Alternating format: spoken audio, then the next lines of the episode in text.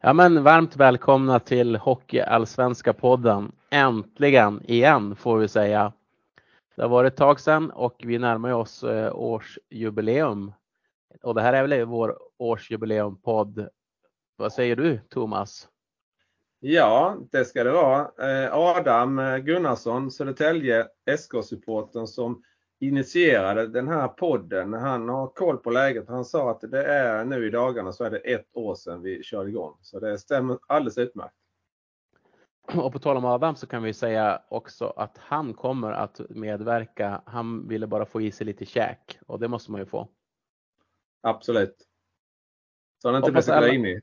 Ja men precis, precis. Han har ju inte så mycket att vara grinig över det här nu. Nej, det är jag som borde vara grinig efter gårdagen. ja, det är det. ja. Uh, ja, men uh, vi börjar i alla fall och så kommer Adam att halka in. Och det vi ska göra inledningsvis är att vi ska snabbt, snabbt gå igenom varje lag med lite olika frågeställningar som vi har kring dem. Och vi börjar med AIK. Och då kommer frågan här då. Eh, vem är egentligen första keeper i AIK? Är det Endre eller Lundström? Vad ja, säger du, det kan man fråga sig. Vad, vad tycker du? Eh, svårtolkat, kan man säga så? ja, alltså senast eh, när Kristianstad mötte eh, eh, AIK senast eh, här 4 januari så stod Endre, Claes Endre i AIKs mål och eh, han var rena väggen. AIK vann med 3-0. Så att eh, sett till den matchen så är det ju Klas Endre. Men det har väl varit lite så med, med Klas Endre att eh, han har inte hittat den här riktiga jämnheten. Och det ser man ju också. Jag, jag tittade på eh, målvaktsligan. Där mm. ligger Niklas Lundström på 15 plats och Klas Endre på 16 plats. Och de har en räddningsprocent då, eh, Lundström på 89-97 och ändra på 89-43. Och den toppas ju då av eh, Jona Voutilainen, Björklöven, på 92-69. Så att eh, eh, så sett så har de ingen toppkeeper utan de har kanske två jämna keepers. Eh, ja. Vad säger du Johannes? Nej men det är precis som du säger och, och just den statistiken är ju så, så intressant också eftersom de, de har ju spelat eh, ja, men ganska många matcher var då. Så ja. det, är, det är ganska ja, jämnt. De har, eh, Niklas Lundström har stått 24 och Claes Endre har stått 19. Ja, så de delar ju på det väldigt jämnt och här till skillnad mot tidigare år så, så de har ju, alltså statistiken säger ju att AIK har två målvakter som inte ens kanske presterar i medelskiktet. Nej, precis. Att de inte har de här matchavgörande målvakterna förutom då när de spelar mot Kristianstad. För när, när AIK vann mot eh, Kristianstad eh, i höstas på, på Hovet då vann de med 5-0. Så att då höll Niklas Lundström nollan. Så att eh, precis som Fredrik Bergvik, han eh, var rena, rena berget eller väggen igår. Så, så att, eh, och som Magnus Nygren var när eh, Modo var på besök i Kristianstad. Så att det verkar som alla målvakter de eh, toppar formen just den kvällen, dagen och spelar mot Kristianstad. Ja, det, det verkar ju onekligen så för att ja. Kristianstad, Kristianstad har ju lite tufft. Men AIK är, är det akilleshälen för dem? Är det målvaktssidan eller är det andra saker egentligen som ligger bakom som får den här statistiken att se halvdan ut? Ja, alltså ser du till förra säsongen, då var ju Pavel Komchenko, han, han var kanske den bästa målvakten, eh, Hockeyallsvenskans bästa målvakt eh, sett över hela eh, 52 omgångarna då. Så att de har ju inte den matchvinnar-keepern i varje match som de hade förra säsongen. Så att, men sen har väl inte någon lagdel egentligen imponerat i AIK. Eh, nu har ju Rickard Gynge har ju kommit igång lite på slutet här och, och Daniel Musito Bagenda han gör sina mål och, och eh, även Oskar Nord och så men eh, det, det känns ju som att de får inte ut sin fulla potential AIK. Mm de har ju som, som du sagt, som du just var inne på, de har ju med Gynge och den formationen kom igång lite grann mer och, och det har ju genererat lite mer poäng också. De ligger på en, en bättre tabellposition nu än vad de har gjort tidigare eh, när de har legat ganska långt ner. Men nu är det i alla fall en åttonde plats som man hittar dem på. Men det är ju så otroligt jämnt både från plats 13 till 8. Så att det, ja. det handlar ja, ju ja, det handlar om sju poäng tror jag. Ja, det är väldigt tajt så att jag undrar om det har någon, någon gång har varit så tajt, alltså nedre halvan i Hockeyallsvenskan. Ja, det är nästan som att från ja, men Almtuna är också där, alltså det är, ja. det är, det är åtta poäng eh, mellan topp 7 och topp 13. Ja. ja, det är bara Västervik som är lite, inte avsågade ska vi inte säga, men de är lite distanserade där. Men eh, de tar ju sina poäng med Västervik så att de, de är absolut inte på något sätt eh, ena play-out-parten redan nu utan det är, kommer att bli ett race om kom... att undvika ja. båda de platserna. Absolut, och det är 14 matcher kvar innan och grundserien så det, det, är ganska mycket pengar att spela om. Ja, ja. Och som eh, du sa, Almtuna var ett av de lagen. Ska vi, eller? Ja. Eller du har något mer att säga om AIK? Jag tänkte så vi, nej, vi har 14 nej, att gå igenom. ja, nej, jag tycker vi lämnar AIK. Vi ska bara svepa, dra ett snabbt svep här över lagen. Eh, Almtuna, som jag måste vara den första att erkänna att eh, jag är imponerad över deras säsong. Eh, men hur, vad tror du? Kommer de ha kvar sina spetsspelare eh, innan eller efter transfer deadline? Jag tänker på Asplund, Golovskovs och Halestam. Eller kommer de eh, sälja av? Ja, så ska man se historiskt så har, har det väl varit så att Almtuna har, har dragits med dålig ekonomi ett antal säsonger eh, och har ju då sålt av spelare. Förra säsongen så sålde de bland annat av sin kapten då, Emil Berglund till Djurgården med flera. Så, så att eh, det är lite märkligt tycker jag att Almtuna kan ju inte ha haft den bästa. De gick ju ut med att de hade ekonomiska svårigheter även den här säsongen och eh, då gjorde styrelsen eller ledningen det genidraget att de la ner damlaget för att spara in pengar. Så att eh, de eh, verkar väl gå all in på att eh, ska behålla seniorverksamheten på herrnivå då. Och kanske då, eh, de är ju beroende av de här spelarna som du säger då. Eh, Oskar Asplund, eh, Georg Golovkovs och Hampus Halestam, de ligger ju etta, tvåa, trea i, i poängligan, interna poängligan. Så att börjar de och släppa spelare då, då är ju frågan om de kanske som du säger, de ligger ju absolut inte på någon säker mark eller så. så att Det vill nog till att de behåller de här spelarna om, om de vill vara kvar helt enkelt, tror jag. Mm. Och det är en lite svår situation de har nu för att idag när vi spelar in det är ju eh, torsdagskväll, det är den 26 januari och transfer deadline kommer den 15 februari.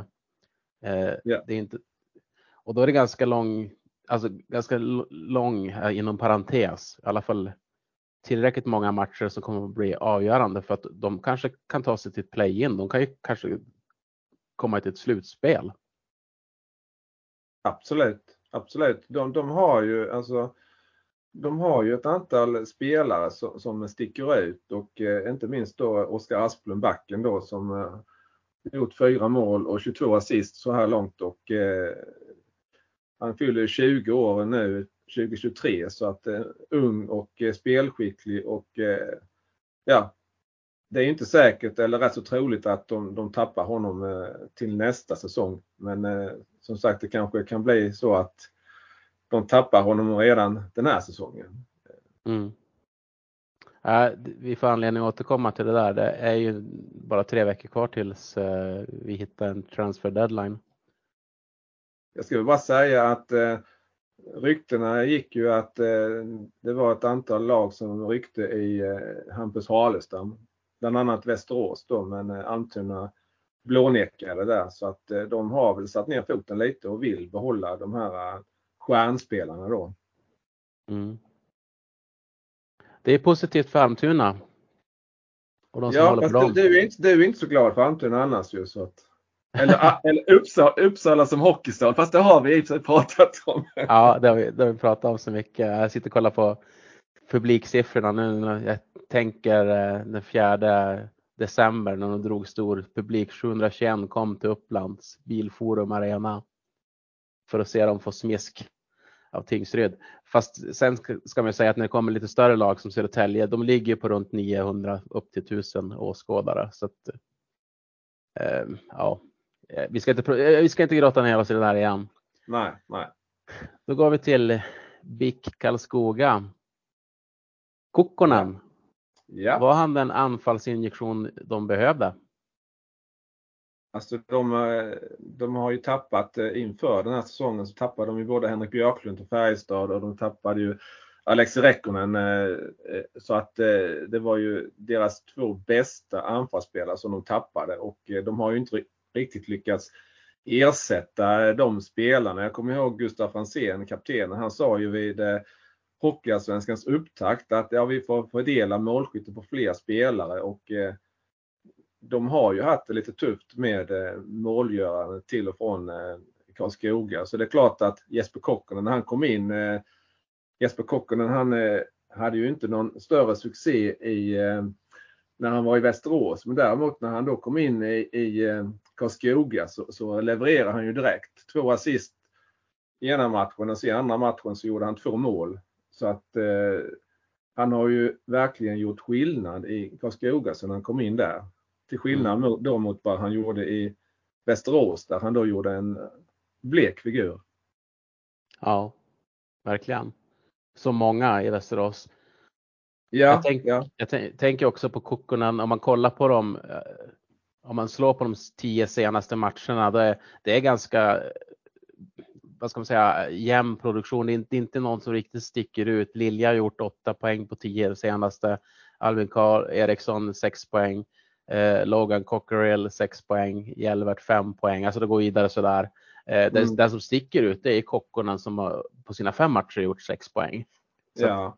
Han kan absolut bli den, den injektion som de behöver för, ja för vad? Hur långt tror vi att det räcker egentligen med, med Kokkonen som spets in? Eh, Marcus Moris levererar ju inte. Nej, Marcus Modis är väl till och med utanför laget nu om mm. jag har fått rätt. Eh, den, den eh, målfarligaste spelaren i, i eh, Karlskoga det, det, är ju Albin Eriksson och naturligtvis så slog han till mot Kristianstad med. När, eh, ja, det är ju så.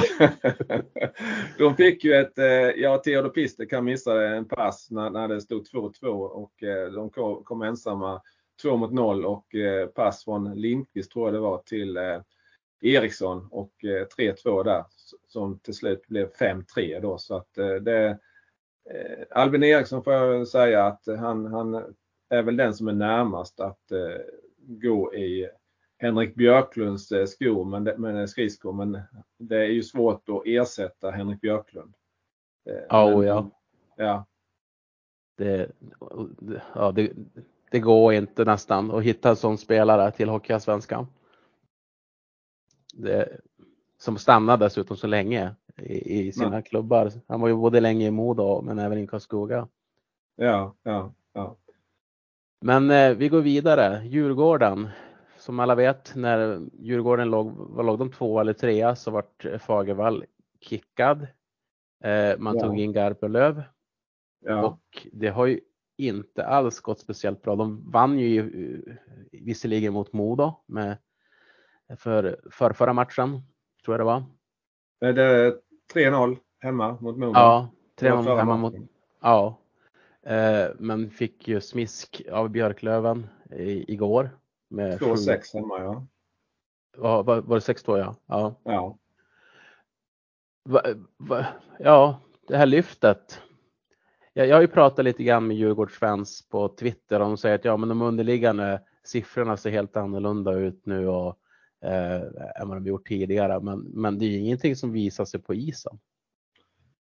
Nej, alltså jag, jag såg Hockeyallsvenskan la ut en, en eh, de brukar ju göra sån här statistik över fem och tio omgångar och så vidare och där visar sig faktiskt att eh, över de tio senaste omgångarna så är Djurgården sist. 14 mm. lag och sist i eh, Hockeyallsvenskan. 10 matcher, 27 mål, 38 insläppta och 9 poäng. Östersund har eh, lika många poäng men eh, Djurgården har 38 insläppta och eh, tittar man då på lagen som ligger där 10, 11, 12, 13, 14 över de 10 senaste omgångarna så är det Djurgården som har släppt in flest mål också. Mm. Eh, och jag, jag, kommer ihåg att du sa det där att eh, Carl Lindbom, den, eh, den formen som han var i, i höstas, den kommer aldrig att hålla. Och det visar sig ju nu också att han är, han är betydligt mer, kan man säga inom citat, mänsklig nu då. Mm. Matthew Galaida, han höll ju nollan mot Modo men sen så då nu i, igår så släppte Garpenlöv tog ju ut målvakten då vid 2-5 men så att han släppte in fem mål igår, Galaida då. Så det är ja. väl det att Galaida har ju inte varit jämnheten och Lindbom han är väl som sagt mer nere på mänsklig inom citat nivå nu då. Ja. Och jag måste säga det också att matchen innan när vi vann mot eh, Djurgården hemma i Hägglunds arena. Det försvarsspelet som de visade upp, det är, det är nog bland det sämsta jag sett på många år i Hockeyallsvenskan. Det, det var som att de, jag vet inte vad de har för idé överhuvudtaget med, sitt, med sin defensiv. Eh, det kuggade absolut inte i. Det såg ut som att Modo hade powerplay när de spelade fem mot fem. Ja, de stod och tittade och, och försökte hinna fatt men kom fel in i situationer och såg otroligt märkligt ut. Sen, sen har de ju en offensiv tyngd med, med duktiga spelare som mm, men det känns som att det, det är som problem med spelsystemet. Um, är det, men vi ska prata med, är det spelarmaterialet det är fel på som är kraftigt överskattat? Eh, eller ligger det på tränarplan? Att man helt enkelt inte kan få ordning på en spelidé. Vad tror du? Ja, alltså Johan Garpenlöv, han har ju bra meriter. Eh, på hög nivå om man säger så, han, som förbundskapten. Men på eh, klubblagsnivå har han ju inte varit, eh, eh, figurerat så mycket och eh, det, vi var ju tveksamma här i Hockeyallsvenska podden när, när, vi, när det släpptes då, det var ju början på december här att eh, Johan Garplund skulle ta över efter Joakim Fagervall som fick sparken då. Och eh, det visar sig ju nu att vi, vi, hittills i alla fall, att vi har rätt. Att eh, det har inte blivit det här lyftet eh, med Johan Garpenlöv. Ja, bevisat av det här som jag sa nu senast då att de ligger sist över de senaste tio omgångarna. Så att eh, man kan ju säga att eh, på tränarsidan har det inte blivit något lyft och sen, eh, sen eh, på spelarsidan, det, det, har ju kommit in några spelare, Stefan Elliot eh, eh med, med flera, Linus Klasen, men, men det har inte Niklas blivit Danielsson. Ja, Niklas Danielsson precis. Men sen ska man ju säga att, eh, men det brukar ju Garpenlöv säga i de flesta sammanhang, att eh, de har mycket skador och så vidare. Men, men det, det, är ju fler lag än Djurgården som har det. Så att jag, jag tycker det är en lite dålig undanflytt. Sen är det ju också att eh, Djurgården var ju den, den hockeyallsvenska klubb som hade klart flest spelare med på junior-VM. Eh, men de är ju tillbaka nu så att, eh, men du var också lite tveksam där Johannes, kom ihåg i första podden Eh, att eh, juniorer har svårt att prestera jämnt över 52 omgångar och där har du ju rätt. ser man ju nu. Ja, eh, och det brukar bli ännu svårare för dem i ett slutspel. För att det blir tajtare hockey. Domarna tillåter mer och, och de brukar försvinna lite mer, ännu mer då. Jag tänker på Djurgårdens lagbygge med, med risk för att uh, få alla 08 efter mig nu. Men det påminner väldigt mycket om, om Modo, hur de byggde lag tidigare. Man tar in spelare som har passerat sin prime, man överskattar deras förmågor, man underskattar kvaliteten på Hockeyallsvenskan och man sätter för stor tilltro till juniorer. Det är precis så det såg ut i Modo tidigare. Eh, och det har i alla fall aldrig funkat i Övik. att bygga lag på det viset och jag tror inte det kommer funka i, Stockholm heller. Nej, men jag, sen måste jag säga jag tycker det är lite märkligt ändå. Man, man, man tar hem spelare som Marcus Kröger och Daniel Brodin, John Norman eh, i spetsen då. Och eh, jag kopplar tillbaka till den hockeyallsvenska upptakten igen. Det var ju Marcus Kröger där som var och han sa ju att han är fortfarande hungrig och han vill verkligen eh, Eh, ta tillbaka Djurgården till eh, SHL. Eh, han har varit bra, Marcus Krüger, men han, han, har ju inte fått med sig sina, sina kompisar i, i, i, laget. Han är ju kapten så att det någonstans så, så ja, jag vet inte om det är den bästa harmonin kanske i ett lag. Det är ju stor åldersmässig skillnad men han var inne på det att eh, det är ju de här yngre de, är liksom, de ser ju till att eh, vi inte slappnar av och så vidare. Men, men eh, det är klart att ett självförtroende är väl lättare kanske att sänka om man säger så på, junior, på en junior. Så att Kryger, Bodin med flera, de har ju varit med om det mesta så att de, de vet ju kanske om att ah, det kommer kanske att vända. Men har man så pass många som du säger juniorer så, så är det kanske svårt att få till den här vändningen helt enkelt. Ja, vi får se. Det känns också som att det sitter en del i spelsystemet eller nu kan inte jag påstå att jag sitter och ser Djurgården så mycket, men, men eh, de gånger jag sett dem så, så är det anmärkningsvärt dåligt försvarsspel. Eh, ja. Och det är lite märkligt att, att eh, Garpenlöv inte verkar få till det för att jag menar, det har ändå gått rätt många matcher med honom nu. Ja, ja. Och, som, du, som du säger, det, det är Hockeyallsvenskans sämsta lag. Sist, sett de tio ja, de tio senaste omgångarna. Så är det. det. Ja. ja, vi lämnar Djurgården. Mm. Ja. Vi går vidare till eh, Björklöven går vi till. Ja. Och de är ju laget som kan vinna mot eh, Djurgården med 6-2 för att sen åka till Västervik och förlora med typ 5-3. Ja. Eh, är det laget som har den största, högsta, eller, eller jag ska säga så här, är det Björklöven det hockeysvenska laget som har allra störst skillnad mellan högsta nivå och lägsta nivå? Ja, jag skulle vilja vara beredd att säga ja på den, svara ja på den frågan. För att eh, det, det är som du säger att det är ju en enorm skillnad eh, mellan de bästa insatserna och de sämsta insatserna. Och eh, nu, du relaterade till Västervik, där lyckas ju Björklöven med, med nöd och näppe ta en tvåpoängare då. Men de var ju illa ute där. Och eh, när de var på sin senaste eh, Sydsverige-turné så, så eh, inledde de ju med, med att eh, vinna i, i Kristianstad då. Men, eller förlåt, de, de inledde med att förlora mot eh, Tingsryd. Och sen så eh, gick de vidare och så vann de i, i Kristianstad. Men sen, och så fick de med sig två poäng sen då från Västervik med nöd och näppe som jag sa. Så att, eh, men jag vet att det var ju ingen spelmässigt bra insats eh, mot eh, Tingsryd. Men eh, sen räckte det ändå.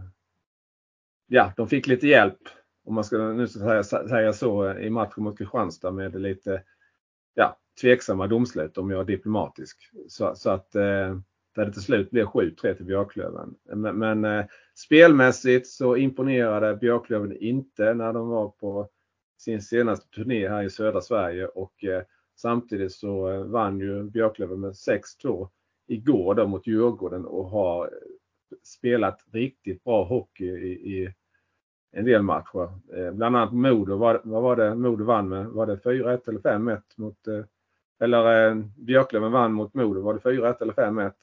Jag tror det var 5-1 faktiskt. Ja, ja. Och eh, det var ju en riktigt, riktigt eh, bra genomförd match av Björklöven där. Sen är det ju, ja förlåt. Eh, nej, jag har inte sagt någonting.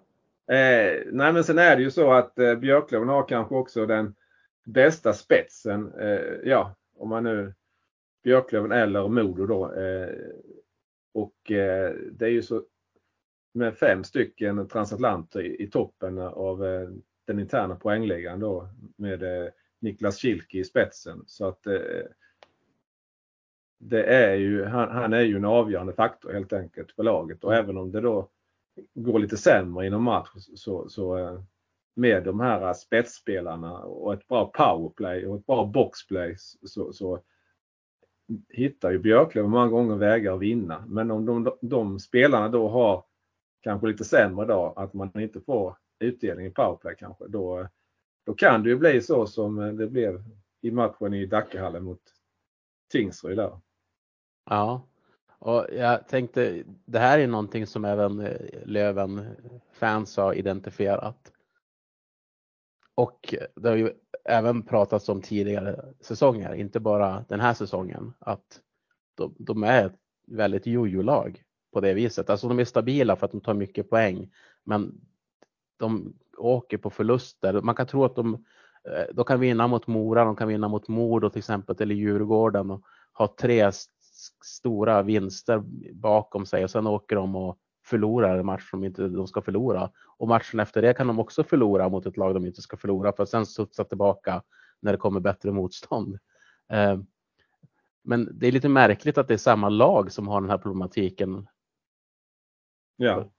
Säsong efter säsong. Är det något, något som sitter i väggarna eller det, vad, vad beror det på att man går så mycket upp och ner? För att man kan ju inte prata om formsvackor som nej, handlar om nej. en eller två matcher utan det är ju som de förlorar bara.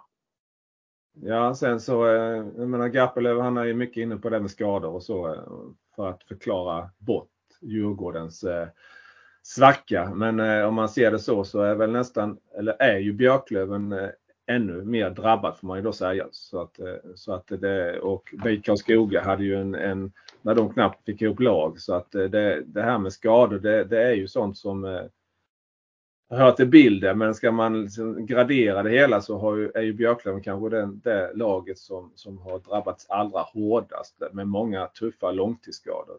Kaptenen Fredrik mm. Andersson var ju borta länge och gjorde comeback först strax innan jul exempelvis. Och eh, Jesper Lindgren eh, tänkt powerplay, powerplay back. Han, han eh, har ju knappt spelat någonting så att, så att eh, då, de har ju och på centersidan har man varit väldigt hårt drabbat också, Björklöven. Så att eh, eh, kanske att, som sagt man ska inte skylla på skador, man ska inte ta det för det, det är som sagt många lag som har de problemen.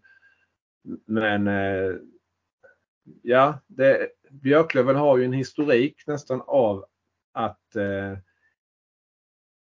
ha de här ja, djupa dalarna och sen även då topparna. Så att eh, någonstans kanske det sitter i väggarna som du säger. Ja.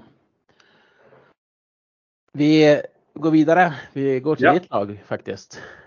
Kristianstad. Ja. ja. Gats ledarstil, ledarskap i båset. Är det till gagn eller inte till gagn för, för er? Ja, man, man, jag har ju skrivit eh, några eh, inlägg om detta på, eh, i detta tema på, på Svenska fans då, på eh, KIK enligt Andy Omlin. Och eh, så mycket kan vi konstatera att eh, hans ledarstil eller hans så säga, agerande i KIK-båset under matcher har, har ju lett till eh, att han har varit för eh, ja, verbalt eh, påhoppande då på domarna vilket har lett till att eh, Kristianstad har dragit på sig lagstraff. Och eh, det i sin tur har resulterat i baklängesmål. Så att eh, i det fallet så är det ju inte till gagn för, för eh, Kristianstad IK. Sen, men sen skulle jag vilja se den andra sidan av det också att eh, Mikael Gat är en väldigt eh, temperamentsfull tränare och han eh, eldar på sina killar och han har en enorm eh, extrem eh, vinnarskalle. Och jag skulle ju inte vilja se en tränare som står som ett mähä i, i ett bås med armarna i kors liksom och jaha det blev ett baklängesmål där. Eller okej okay, vi fick en utvisning. Utan vill se liksom att man är på tårna och att man, man försöker driva på sina killar. Eh, men det är klart att eh, det går till överdrift när eh, det egna laget drabbas av lagstraff. Där man som headcoach då är den som är syndabock till det. Så det, är lite tveeggat. Vad, tycker du Johannes? Jag, tänkte på, visst var det kvartsfinalserien i fjol mellan Modo och Kristianstad? Så var ju Gat väldigt aktiv i båset de kanske fyra första matcherna. Eh, och väldigt verbal och sen så tonade han ner sig för att det var lite grann nästan så att han äggade upp eh, Kristianstadsspelarna eh, till nivåer som slog lite grann bakåt. Alltså ni fick utvisningar och ni hade ju, det var ju inte direkt svårt heller att tända Trevor Cheek så att han blev tokig. Eh, det var ju så, Gat hjälpte till lite grann i det. Samtidigt så måste man ju säga också att jag, Gat är ju en väldigt duktig en väldigt duktig coach och har bra spelare eller bra känsla för spelare han vill ha in. Eh, man undrar ju lite grann vad som skulle hända om han fick ett lag som har lite större budget. Ja, det, det, det är ju en intressant fråga och eh, vad jag känner till så har ju Mikael Gart eh, kontrakt med Kristianstad IK över nästa säsong också. Men, men det är klart att eh, Kristianstad IK är ju en av de klubbarna som har lägst spelarbudget och eh, han, han, får ju då ta spelare från en, en hylla som, eh, som eh, är lägre än eh, många andra hockeyallsvenska klubbar eh, och måste ju hitta de här eh, fynden och eh, guldkornen eh, som han har gjort i vissa fall. Förra säsongen så lyckas han ju med det. Den här säsongen har han ju inte lyckats på alls samma sätt. Och det är klart att i en klubb med större ekonomiska muskler så, hade nog Mikael Gart kunnat göra mycket nytta, skulle jag vilja säga. För han är erkänt duktig på att scouta spelare, är väldigt noggrann att se vilka spelare han tar in. Där det inte bara är själva spelaren utan även då personligheten, människan han tittar på. Så att det ska passa in i gruppen som sådan. Eh, mm. Ja, tittar man nu på den här säsongen så, så är det klart att man kan se att eh, eh, spelarna har ju inte levererat på samma sätt. Eh, samtidigt så, så eh, får man ju säga att förra säsongen då när man får in eh, Kristoff Kontos, Devin Sidroff och eh, Trevor Sheek som nu är i Västerås nu då det, det, var ju en trio som verkligen gjorde skillnad och eh, det räckte ju ända till kvartsfinalspel mot Modo i, i då.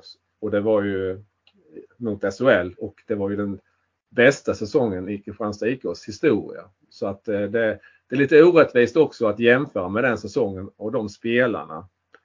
Men eh, om man ser på det generellt så är Mikael Gart bra på att hitta spelare som passar in och, och så. Eh, men den här säsongen som sagt så ligger han väl mer på en medelnivå får jag säga då. Och medan förra säsongen så låg han ju på en hög, hög eh, nivå i att hitta rätt spelare.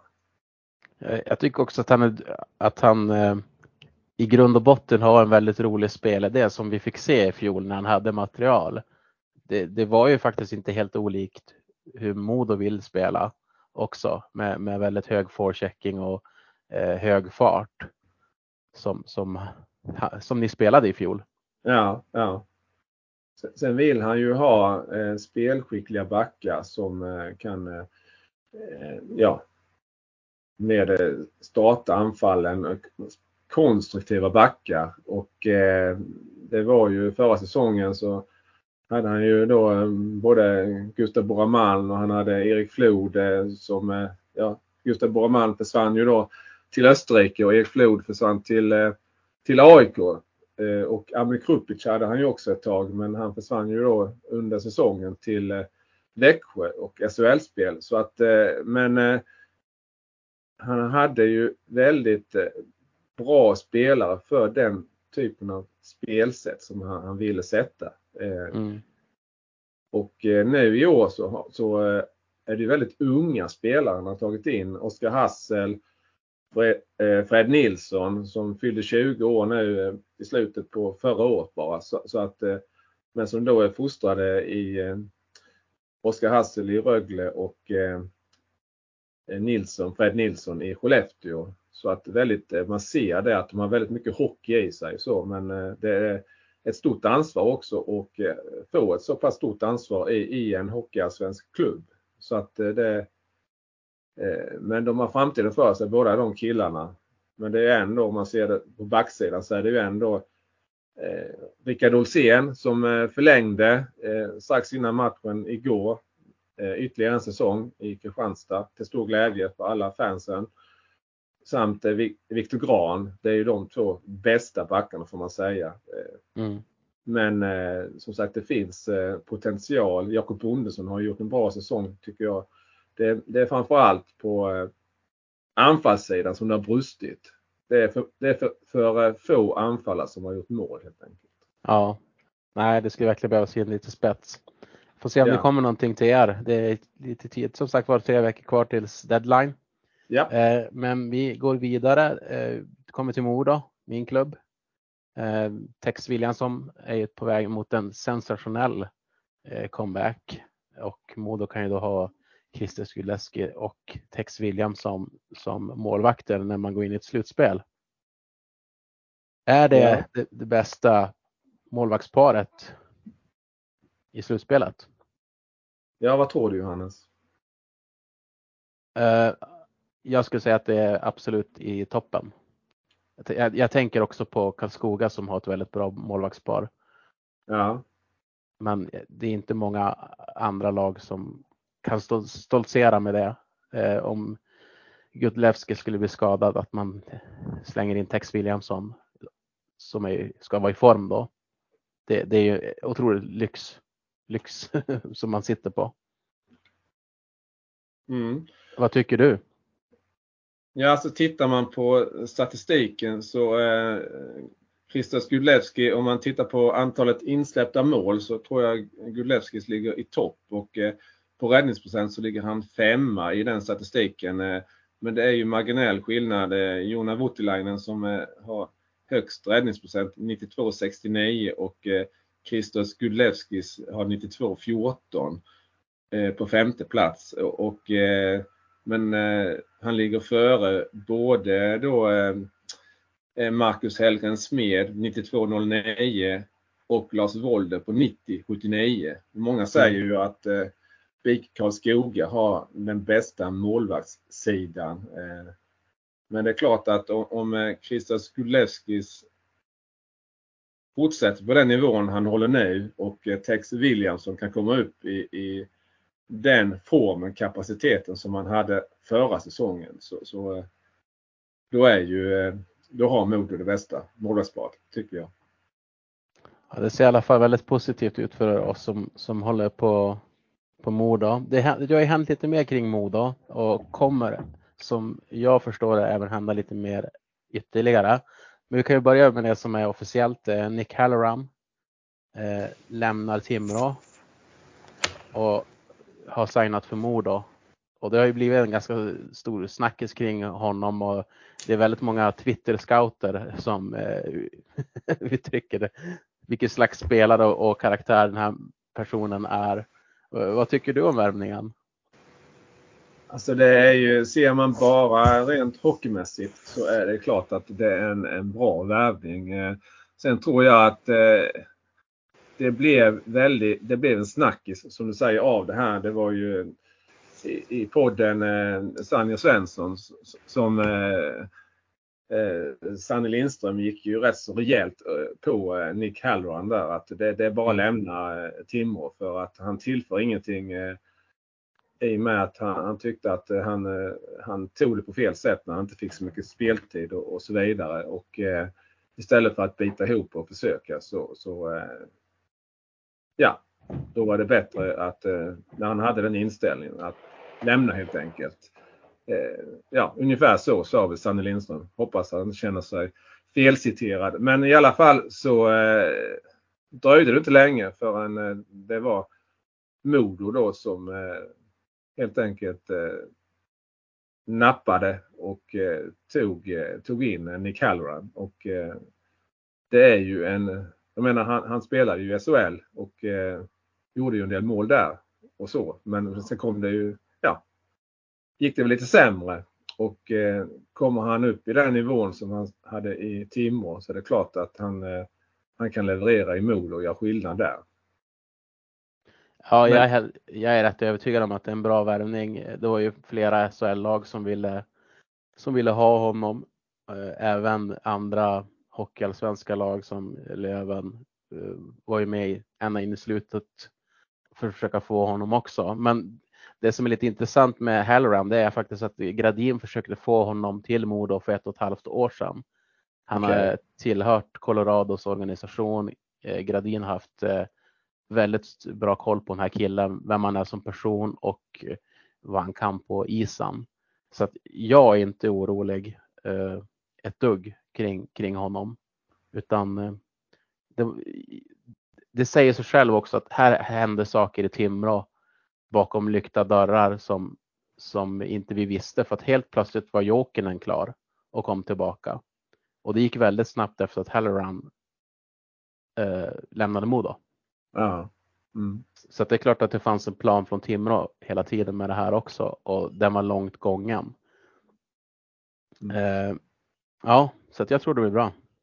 Oftast så är det så att vi som är utomstående, vi, vi vet ju inte alltså det, hur det verkligen ligger till. Eh, vi, vi, ser ju bara liksom när, när det väl händer någonting. Och eh, jag, jag, tror som jag sa att eh, den kritiken som Sanne Lindström han eh, förde fram i, i podcasten då, Sanja Svensson. Jag tror att det, det, var nog många där som många liksom eh, lyssnade på den och, och sen då ja, twittrade helt enkelt och, och det, det, var ju det var en snackis när, när det kom ut det här. Eh, liksom då, dels då först att eh, eh, Lindström gick hårt åt eh, Halloran och sen då också när det rest, relativt snart efter det då blev klart med ny klubb Modo Hockey då.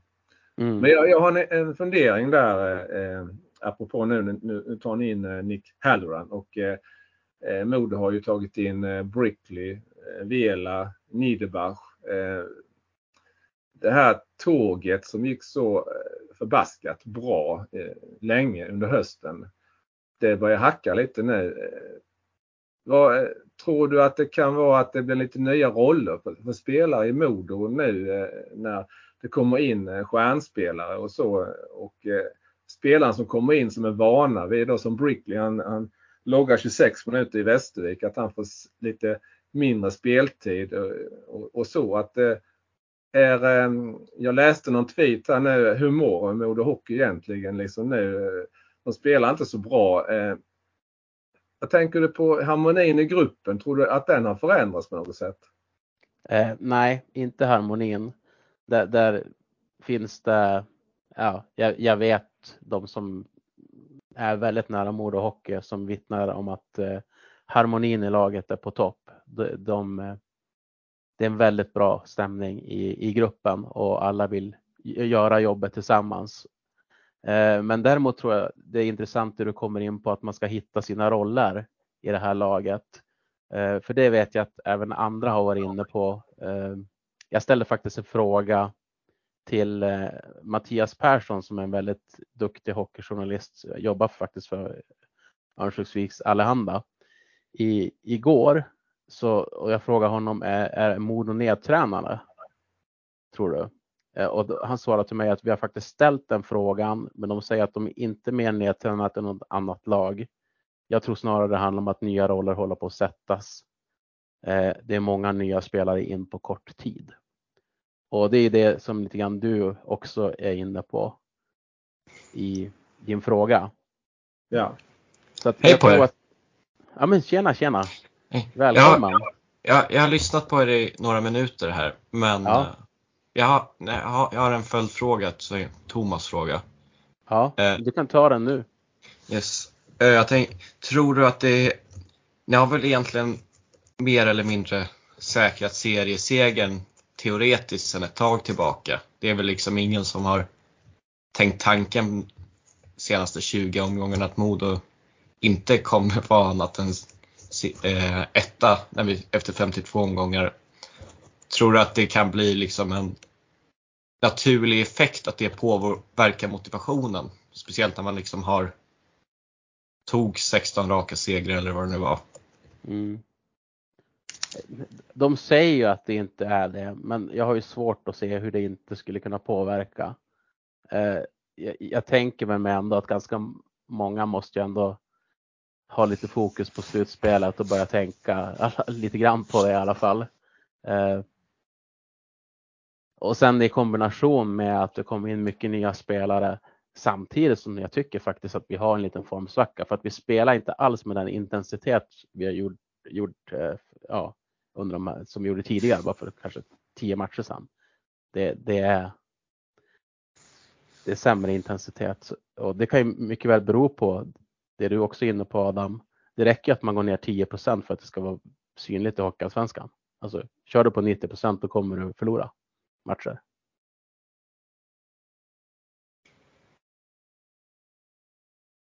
Men det menar jag inte att Modo ska vinna alla matcher ändå. Om de körde på 100. Men... Ja, ni höll ju nästan på med det. Vad sa du? Ni höll ju nästan på att vinna alla matcher. Ett tag. Ja, ja ett tag gjorde vi det. Och det är klart att då, det hade vi lite tur också vissa matcher. Men det är väl ofta så att framgång föder tur. Mm. Ett rykte bara som kom idag då. Som vi kan ta när det gäller mord. Vi ska inte landa vid det så länge men Värnblom ska adderas enligt Johan Svensson innan den 15 februari. Så det blir ytterligare en spelare som ska in. Men han är ju, har ju varit två matcher i Modo tidigare i säsongen och kommer ju från Modo så att det är inte någon ut, ny utifrån på det sättet kanske. Men det, det, eh. det som är intressant eh, Johannes det är ju att eh, Modo tar ju inte in några breddspelare utan det är spetsspelare som kommer in och det är ju det här med istid, eh, spel i powerplay och så vidare. Det är den eh, hierarkin som påverkas när, eh, spelare som Halloran kommer in. Wernbloom som, som du säger, han spelade två matcher och gjorde skillnad. Kommer tillbaka då kanske mer permanent för resten av säsongen i alla fall. Från Malmö där han knappt fått spela någonting. Så, och ni har tagit in Marcus Vela också då, också om man, om du ser på anfallssidan då ju. Och Brickley mm. kommer in där när ni då har kanske de två bästa poängbackarna i, eh, i Nässén eh, och Bernat då. Så det, det, är klart att eh, hierarkin. Det, det, är, det är de bästa. Ja det är de bästa. Förlåt, jag tar bort kanske. det var det jag sa i första avsnittet. Det är så lätt med offensiva backar. Det är så lätt att bara kolla på statistiken. Ja, ja. Eh, men, men Brickley var ju van att spela kanske en och en halv minut i varje powerplay i, eh, i Västervik. Men det, det mm. kommer han ju inte få göra nu när, när både, både Nässén och eh, Bernhardt finns i klubben redan. Nej, det, och så är det ju. Han får ju 30-40 sekunder eh, i PP ungefär. skulle, jag, skulle jag säga. Um, när, om det är två minuter PP så, så kör ju första kedjan runt någon minut och så ska de byta och sen så kommer de in och ska etablera spel. Och, eh, ja, då är det, är det typ 30 sekunder kvar eller 40 sekunder kvar. Och det, det, det kommer ju bli, men Modo har haft lite problem med secondary scoring. Alltså vår secondary scoring har ju varit våra backar i princip, alltså Nässén och Bernhard som har skapat väldigt mycket poäng. Eh, första kedjan med Josh Dickinson och Riley Woods är de som har gjort det. Men sen andra kedjan där Filip Svenningsson till exempel har huserat i, under hela säsongen. Där är ju ganska blygsam produktion. Så att Halloran, den spelaren har ju Hinken letat under hela säsongen har, har han sagt att det ska komma in en right forward för de två första formationerna. Så det, det behövs lite mer spets bakom första kedjan. Tycker jag. Ja, vi kanske inte ska bli så långrandiga. Vi, vi har fler, fler lager men intressant. Eh, intressant eh, jättebra för du, du har ju bättre insyn än, än Moda än vad, vad jag har. Så, så att, eh, intressant. Det är bara som utomstående så, eh, så funderar man lite på det med, med gruppdynamiken och så. Mm. Vi får se hur de får ordning på den. Men jag fortsätter. Ja, nu, känns, nu, känns, nu känns det ju som att ni värvar bara för att inget annat lag ska få förstärka. det är så. Vet du, Värmland kommer in och sen, sen, sen så kommer Hinken nosa och nosa efter vad, vad ni är ute efter.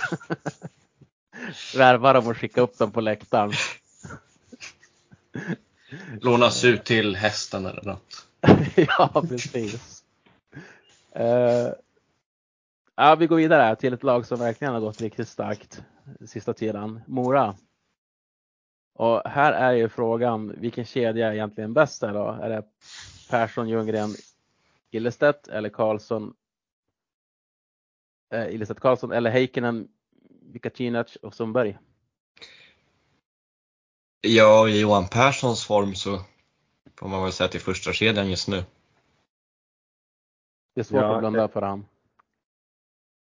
Eh, men. Absolut, men, men samtidigt så har ju eh, eh, om man säger så, som du var lite inne på här då med Modo, att eh, ha haft en första kedja som har levererat så har ju Mora har ju då i flera säsonger eh, förlitat sig på eh, Daniel Ljunggren och Johan Persson och nu senast eh, Måns eh, Karlsson som då är skadad har ju också varit tredje länken där och nu har Fabian Eidestedt kommit in istället.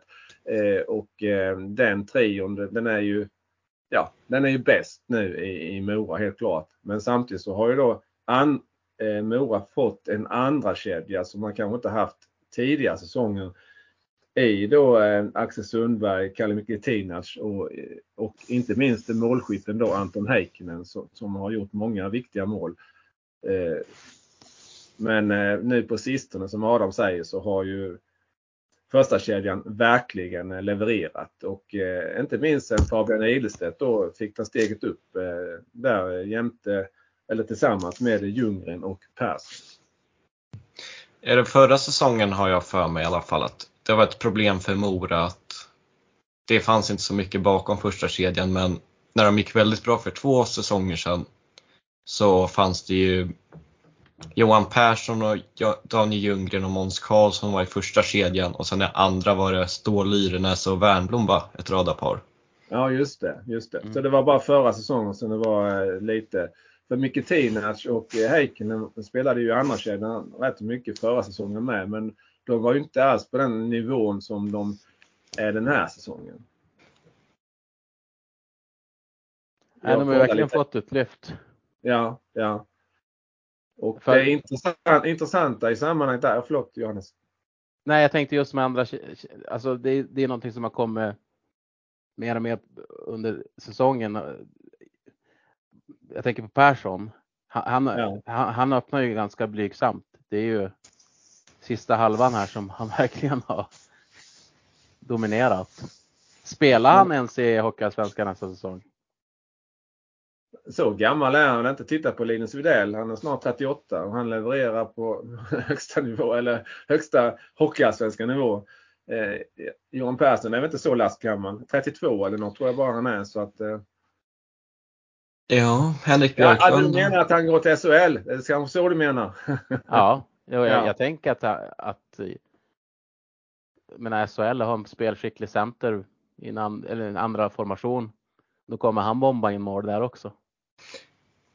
Ja, Henrik Björklund har väl tagit det steget ganska ja. bra till Färjestad trots att han, trots att han också börjar bli till åren. Patrik Ahlqvist var väl typ runt 30 när han gick till Oskarshamn Men det känns som att det är Ljunggren och Persson till SHL, det känns som det är någonting det pratas om efter varje säsong. Ja, så är det. Men jag tänker nu när marknaden ser ut som den gör och att det kommer antagligen fortsätta in i, under kommande säsong också. Så kan det ju bli så att spelare, toppspelare i Hockeyallsvenskan som tidigare sågs förbi får chansen. Ja, ja, jag vet inte om det fortsätter så här under sommaren också. Jag vet inte mm. riktigt. Jag tror att den kommer, alltså marknaden kommer förändras med tanke på att AHL-lönerna har höjts ganska markant. De, de spelare som är AHL, de tjänar ju inte riktigt, de tjänar ju inte på att åka över längre. Okej. Okay. Och sen är inte alla ute efter pengar bara, de kanske vill ha en större roll och utvecklas och sådär. Ja, ja. Mm. Vi ska inte fastna vid det heller utan nu ska vi gå. Det är därför att du kom så perfekt tajmat Adam. Vi gå in på Södertälje. Eh, Videll. Ja. Kan han utmana om eh, poängligan? Vad hette han sa du? Jag har aldrig hört namnet. Linus Widell. aldrig hört honom. Nej, jag skojar bara. Jag, jag, jag, kan påminna dig om några mål ifall du vill. Ja, precis. Tyvärr kan du göra det. Uh, ja, jag vet. Det är ganska många poäng han ska ta in på Kilke i så fall. Det är väl typ 10. Mm. Men uh, uh, det går, går det väl. Jag kan väl, som han har spelat efter nio år så är det, är det egentligen ingen spelare i Hockeyallsvenskan som kommer nära. Alltså. Johan Persson. Alltså poängmässigt i alla fall. Ja, poängmässigt. Men det är det, det är ingen, jag ser ingen som kommer ändå i, i närheten av Widells kapacitet. Han är, han är alldeles för bra för den här serien när han är som bäst. Och då spelar han med två, det är långt ifrån den bästa omgivningen kanske. Just nu. Så nej, när, han, när han är på lekhumör då är han fullständigt dominant. Ja, alltså han har ju, om jag nu ska, som sagt, jag, jag, jag, jag skämtade lite innan här. De eh, fyra matcherna som eh, nu har eh, Kristianstad mött eh, Södertälje SK färdigt den här säsongen och det tackar jag för som eh, Kristianstad-supporter för att eh, inte minst Linus Widell har gjort skillnad i alla de här fyra matcherna. Och det var ju naturligtvis han som gjorde 2-1 målet igår, det avgörande målet. Och eh, det, alltså Linus Widell har eh, därmed gjort åtta stycken game winning goal. Eh, så det, det, bara det säger ju liksom hans eh, matchvinnare eh, egenskaper. Plus att han då var skadad eh, några matcher så han har ju bara spelat 33 matcher. Om man då jämför med Nick Schilke som eh, då på 38 matcher har 50, 50 poäng jämt ja, så har Videll på 33 matcher 40 poäng. Så att eh, poängsnittsmässigt så ligger ju inte Videll så långt efter så att eh, jag tror nog Då... att... Eh, och visst, värt att nämna är att han har spelat skadad största delarna av 2022. Okay. Så vad är det för problem eller vad är det för skada? Det, det, det, har de inte velat säga men det var om jag kommer ihåg, han fick någon smäll i hemmapremiären mot Djurgården. Brodin var på honom ganska tidigt. Uh, och sen var han borta ett tag och sen har han, sa han väl att han spelade på 90% kanske. Ja, det låter ju jobbigt för de som ska möta honom när han är frisk. Ja, nu är han ju frisk. Det ja, tror jag i alla fall. Ja, det, det såg vi senast igår. För menar, utöver det målet så han gjorde, som du säger Adam, han gjorde, stundtals gjorde han lite som han ville. Eh, liksom han, eh, ja, det var, han, han var den klart bästa spel, utespelaren igår. Eh, Fredrik Bergvik var, var bra i målet men utespelarmässigt så, så var han i särklass, Linus Widell igår. Ja, och det här 2-1 målet igår, det var nästan lika snyggt som kvitteringen när han dribblade igenom hela ert lag.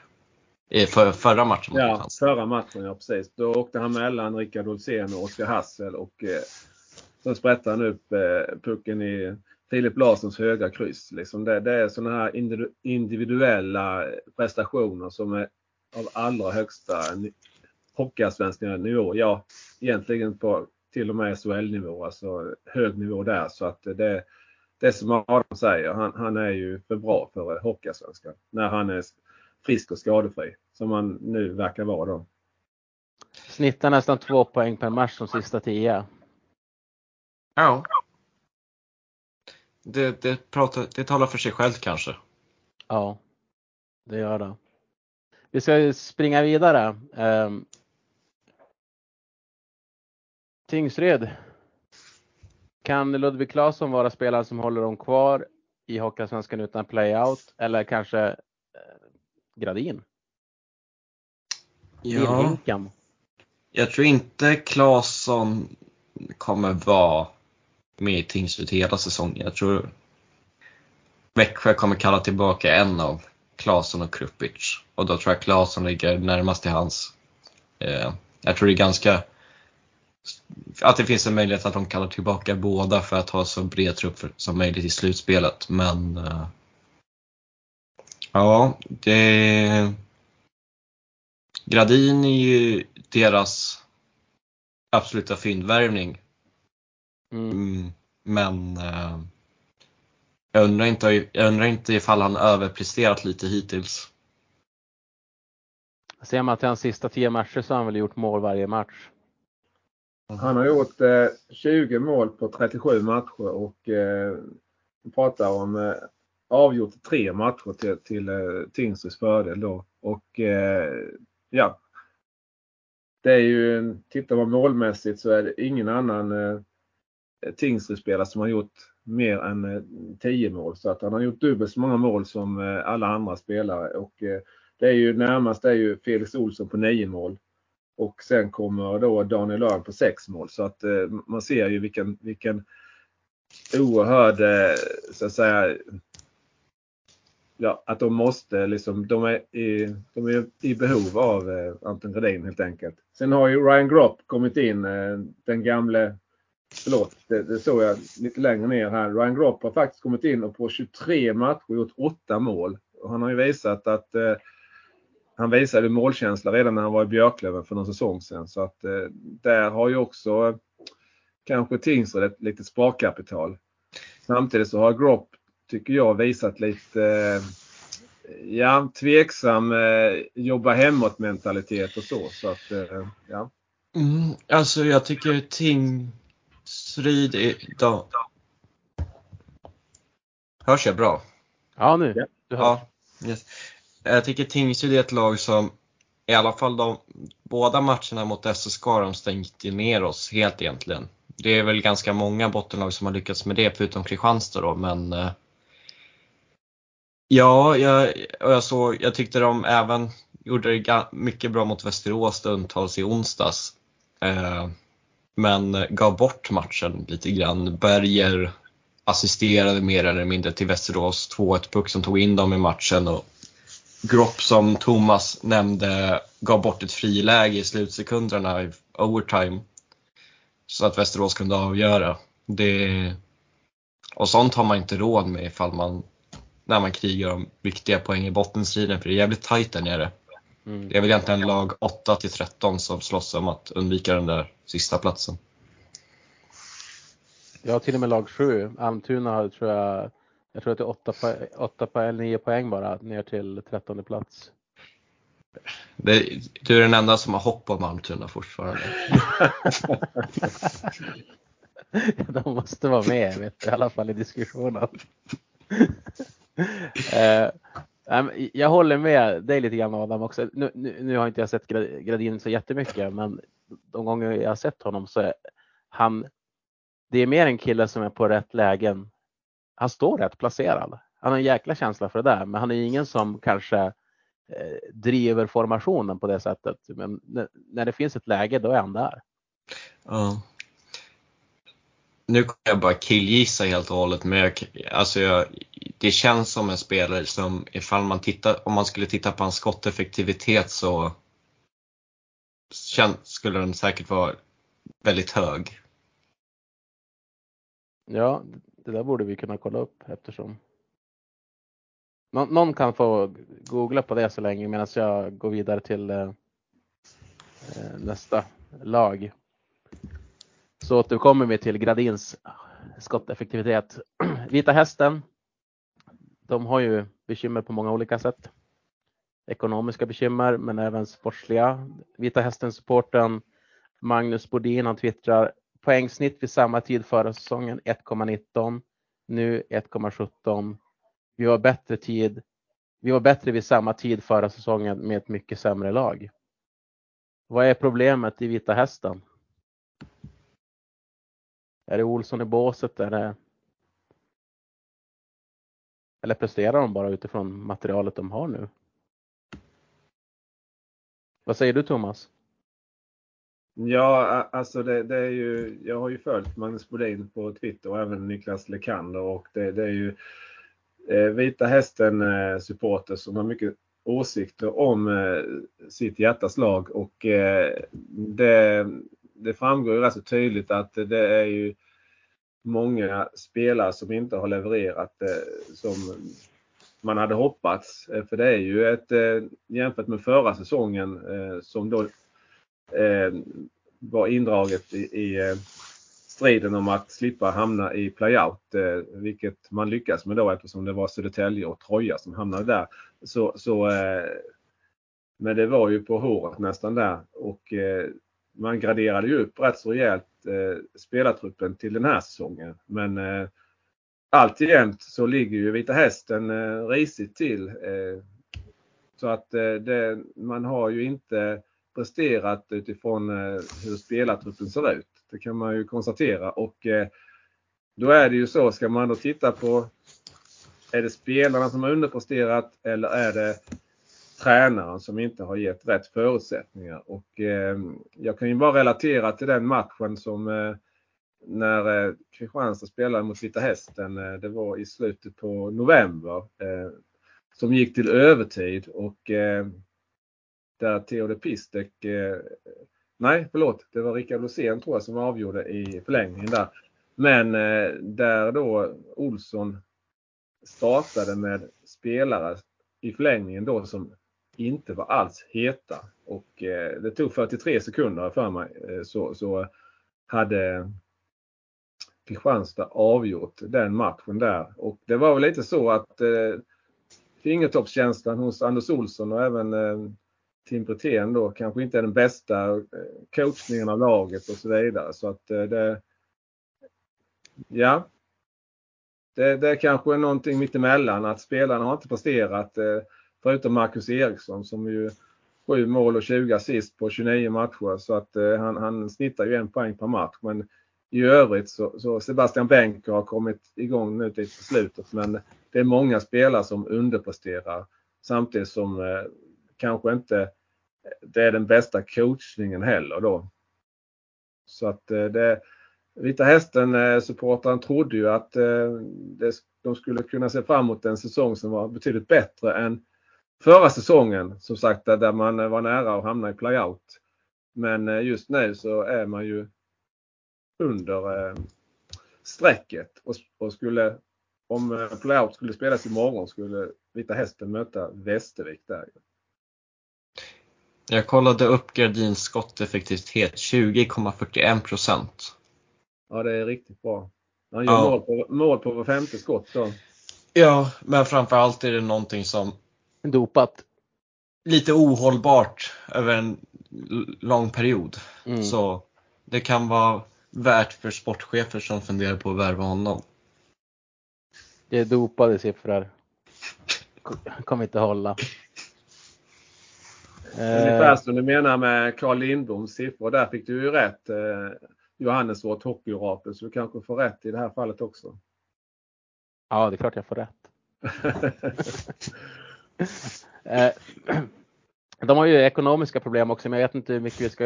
Jag tror vi hoppar över det nu. Vi, vi har hållit på ganska länge med, med trupperna. Vi ska ta, oss, ta igenom oss dem och eh, vi har lite annat på agendan också. Så att eh, vi hoppar vidare. Vi hade ju en podd. Det var förra podden va? Det var lite extra fokus på Västerås. Och då var ju Henrik med. Ja. Yeah. Han kan inte vara med idag. Eh, men nu kommer en fråga som egentligen folk har ställt hela säsongen och nu är vi typ i omgång 36 till 38 beroende på vilket lag man, man är. Men kommer Pananen att vara kvar hela säsongen? Vad tror du Adam? Alltså, jag, kan, jag tänker lite om, de, om Västerås haft någon, någon form av seriös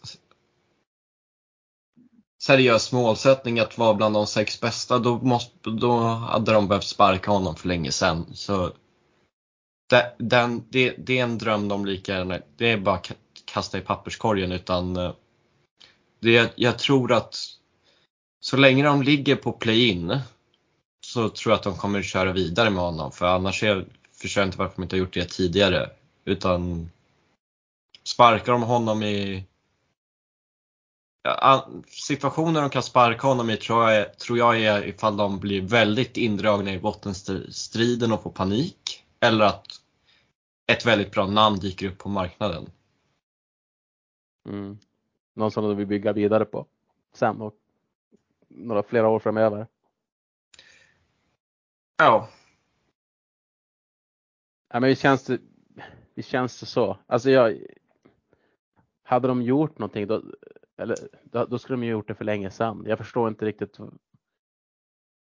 Pananen kan man säkert ha åsikter om hans coachsätt, men det här är ju i grund och botten ett felbyggt lag. Ja.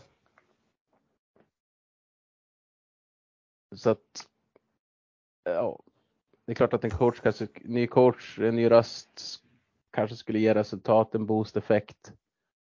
Eh, men jag tror inte de kommer ha någonting med, med, med saken att göra i år oavsett.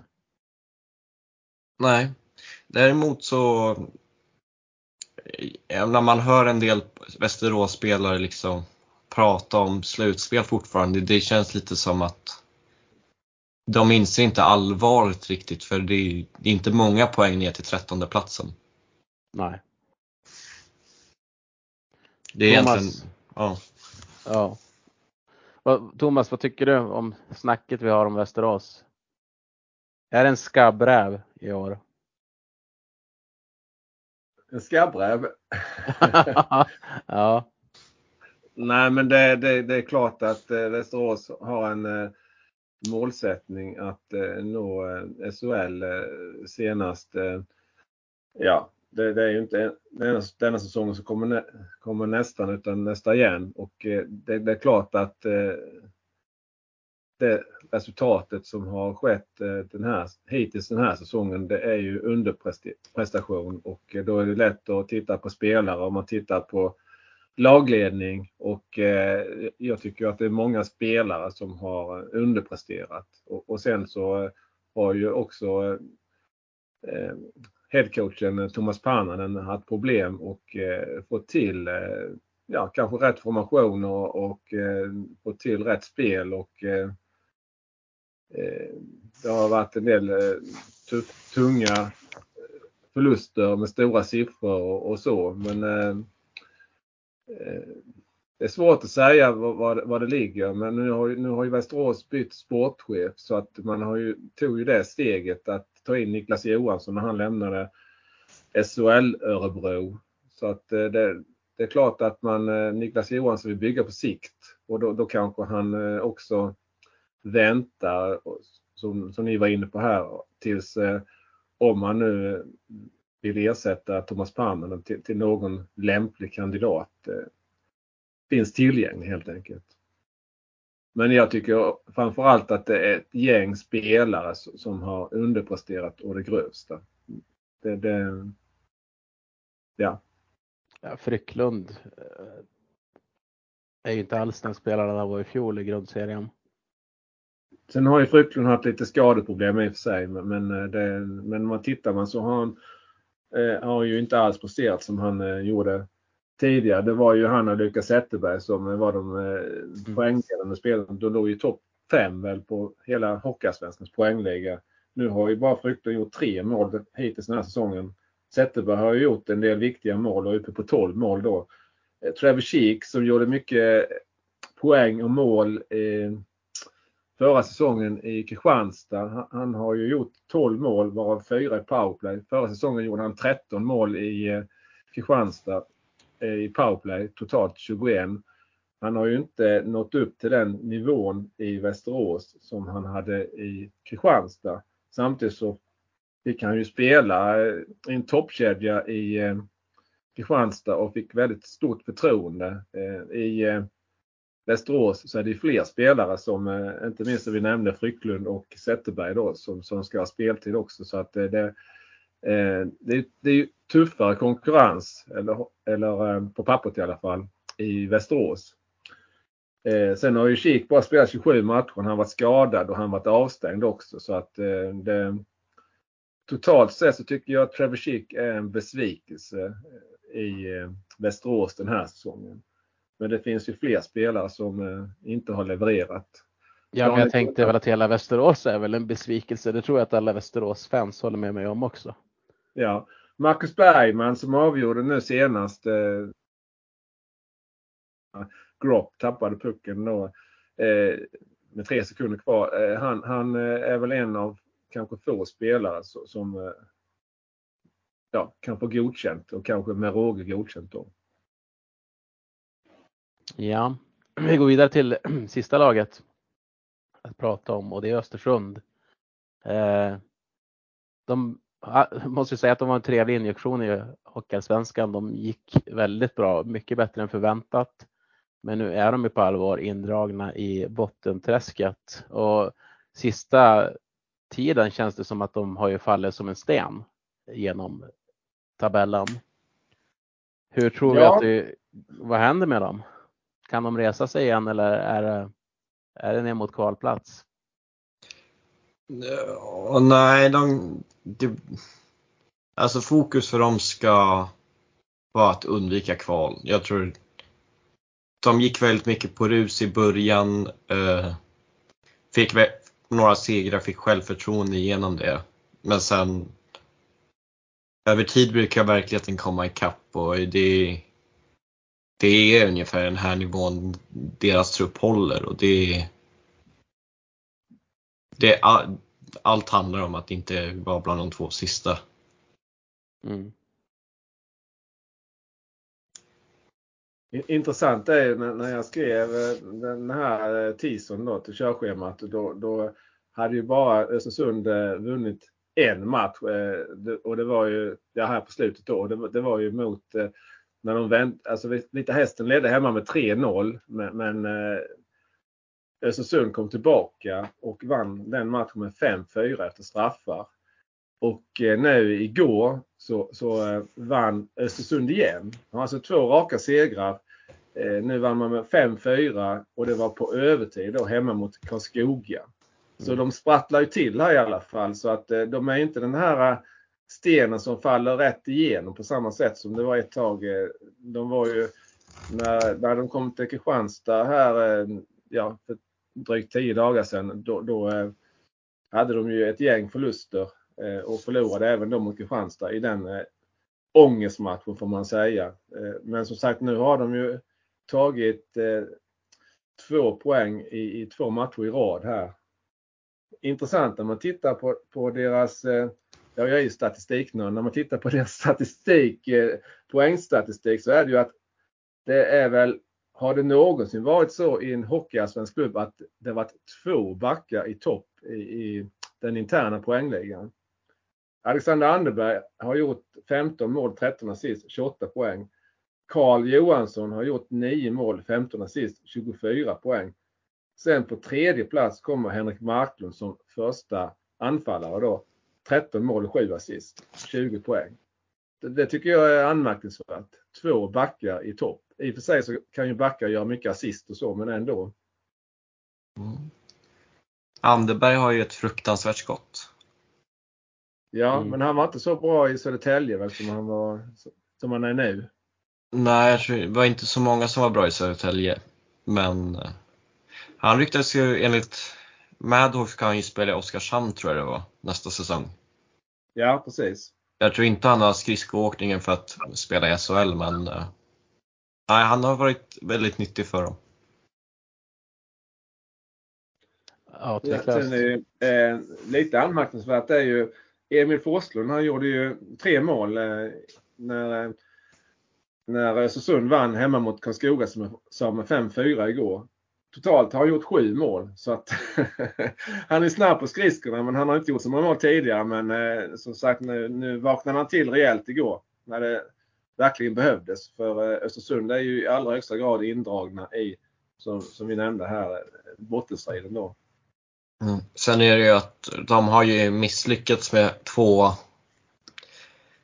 eh, spetsvärvningar i Militic och Leclerc eller vad han nu heter. Kommer inte ihåg. Men eh, det är klart att är man nykomling då, du, du kommer man inte ha råd att du behöver nästan pricka dem få spetsplatserna ja. du har i truppen.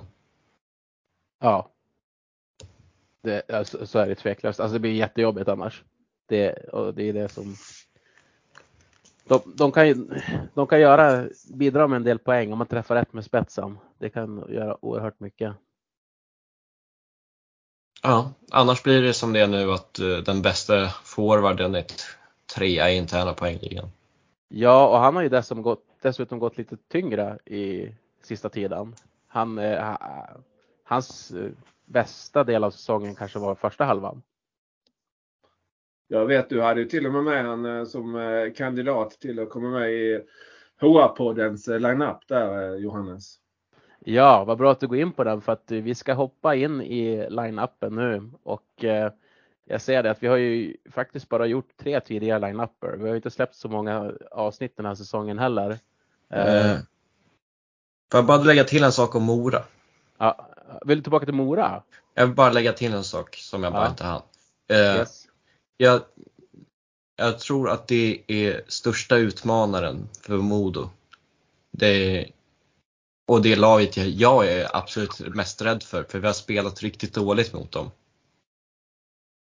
Intressant. Det, så, nej det, jag, jag tror det är fullt möjligt att Mora står och firar om några månader. Mm. Vi ska ju möta dem imorgon kväll och eh, det är ingen match jag ser fram emot. Ni får fan ta och vinna. Gnaget gjorde mig skitsur i onsdags. Som vi spelar just nu så tror jag, jag, jag tror inte vi vinner. Moldén gick väl ut och lovade till och med att om man köpte biljett till hemmamatchen imorgon så skulle de ta tre poäng. Ja. Eh, men line-up 4, ska jag dra den förra så att vi inte tar samma där i alla fall? Ja. Mm. Eh, målvakt eh, Talapila, Nikita Talapila, backpar Johan Ivarsson, Henrik Larsson, kedja Malte Sjögren, Marcus Kryger, Marcus Eriksson. Ja. Eh, börjar vi med keeper eller? Ja, vi gör väl det. Mm. Keeprar tidigare har vi haft Filip Larsson och Kalle Lindblom innan Nikita. Ja. Jag har ju två, jag har två att välja på där. Ja. Eh, antingen eh, Jona Voutilainen eller Kristas Gudlevskis. Ja. Guden kanske? Om vi ser till hela säsongen. Ja. Och han matchas ju stenhårt också. De, Nygren får inte speciellt många matcher. Um, Ja, men vi tar guden där då. Yes. Albin Karlsson vill jag ha in på backarna. Mm. Jag har ingenting att invända mot det. Eh, jag har skrivit ner två namn. Eh, Olle Strandell hade jag när i Mora spelare men eh, nu tar vi in en offensiv back. Eller i sig Albin Karlsson är väl tvåvägs men eh, han kan ju leverera en del framåt och Strandell har ju gjort 5 plus 17 eh, här i Mora.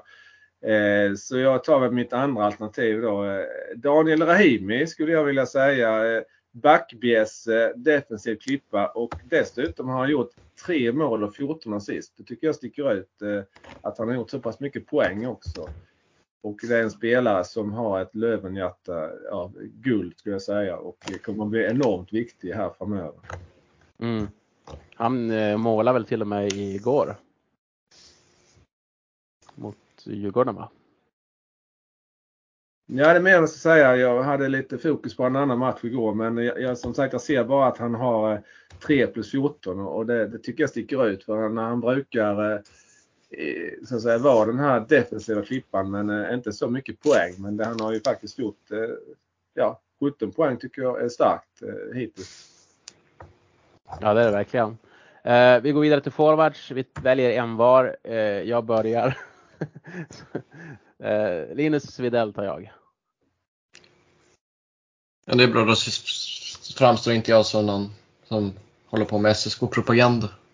Nej, precis. Det är i och för sig väldigt svårt att, att uh, säga att det skulle vara propaganda med tanke på det han har gjort. Mm. Ja, men alltså, du tar nästa.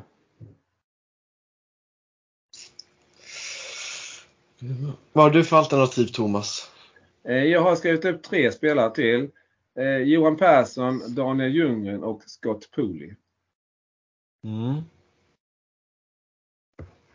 En ska bort. den, den här gången. Och kanske en som jag gärna skulle ha med i diskussionen i alla fall, det är, det är faktiskt Gradin. Fast nu har jag valt min Videll så att det är ni som får välja. Men jag tycker alltså, att han ska, ja. han ska nämnas. Alltså Gradin det hände något med mina öron. Gradin, det är, han, han har ju varit väldigt viktig för sitt lag men eh, jag tror den spe, spelmässigt så känns han ändå inte riktigt nära toppspelarna i ligan. Nej, det är han ju inte. Han, han är ju Nej, som vi var inne på tidigare, han står, han står rätt och får ibland öppet mål och ibland ja, får han läge du kan sätta den också. Yes. Men ja, Johan Persson är väl svår att inte välja just nu som nummer två.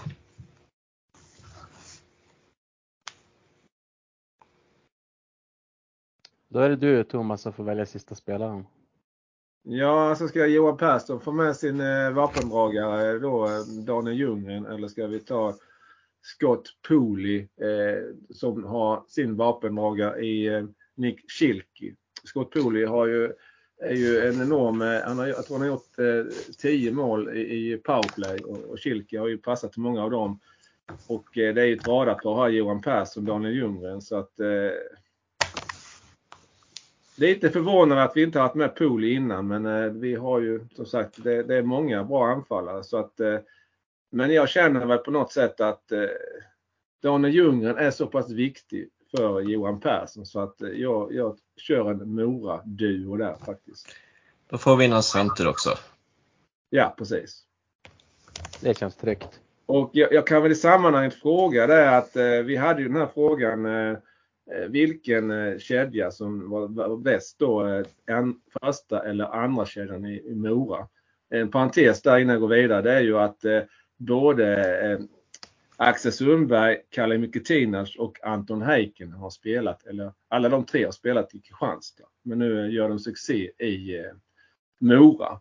Eh, men, eh, och då frågade jag Per Falan Falvik, eh, Mora-supportern, eh, vad han tyckte och då sa han att i början på säsongen, eh, hösten, så, så var de rätt så jämbördiga. Men sen Fabian Ilestedt kom in i den kedjan så, så har ja, Ljunggren, Persson, Ilestedt har levererat på en helt annan nivå.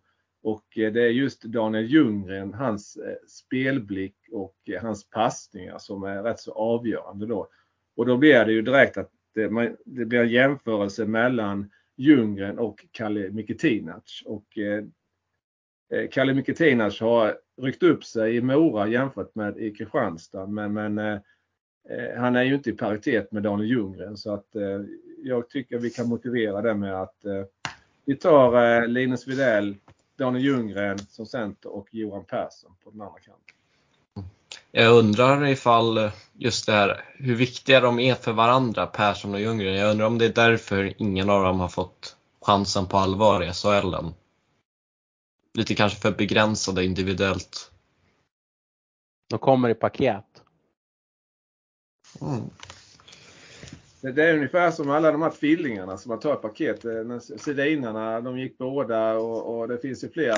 Wahlgrens får Modo med. De har väl följt med varandra hela tiden också. Liksom att eh, det, det känns ju lite som eh, Persson och Ljunggren kanske hänger ihop också. ja. Mm. Eh, vi går vidare till hissen och sågen. Adam, vill du börja där? Med en hiss och en såg. Uh, ja.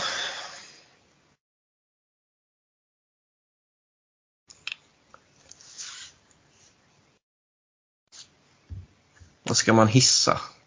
Vill du fundera Adam så kan jag ta mina under tiden. Ja, gör det. Eh, jag börjar med sågen. Jag har ju kritiserat Simon rätt så kraftigt i olika sammanhang och eh, jag gör det en gång till jag retar mig på, eh, jag vet inte vad, vad, man kan kalla dem, men de som sköter matchfaktan under pågående match. Eh, och eh, även då de som gör de här grafikerna eh, efter matcherna.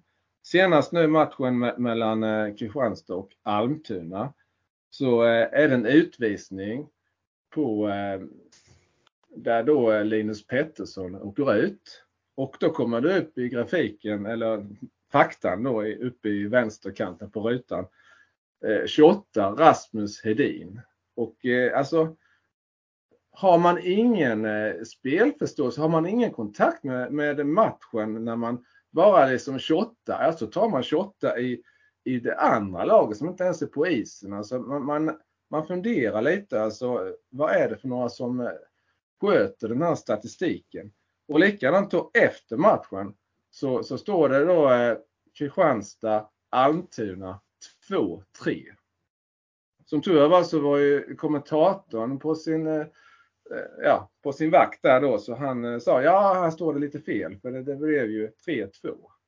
Men alltså man undrar ju lite, alltså spelkänsla pratar vi om, men vi, vi måste ju också kunna prata om alltså har man något intresse, har man något engagemang eller alltså jag, jag förstår inte riktigt hur det kan Följer man inte matchen eller, eller var, varför kan det bli de här felen? Och det, det, det är inte första gången, alltså det, det, är många gånger det händer under match. Och, eh, men det var så påfallande de här under, ändå under match och sen ändå i den här statistiken, eh, grafiken efter matchen. Så det är min såg. Eh, Simon, kolla över ert eh, eh evenemang, e-, ert eh, hela utbud liksom då. Allt från eh, ja, kommentatorer, deras påläsning och så till, till eh, grafik under matcherna. För det blir en helhetsbild som jag tyvärr tycker nu är undermålig.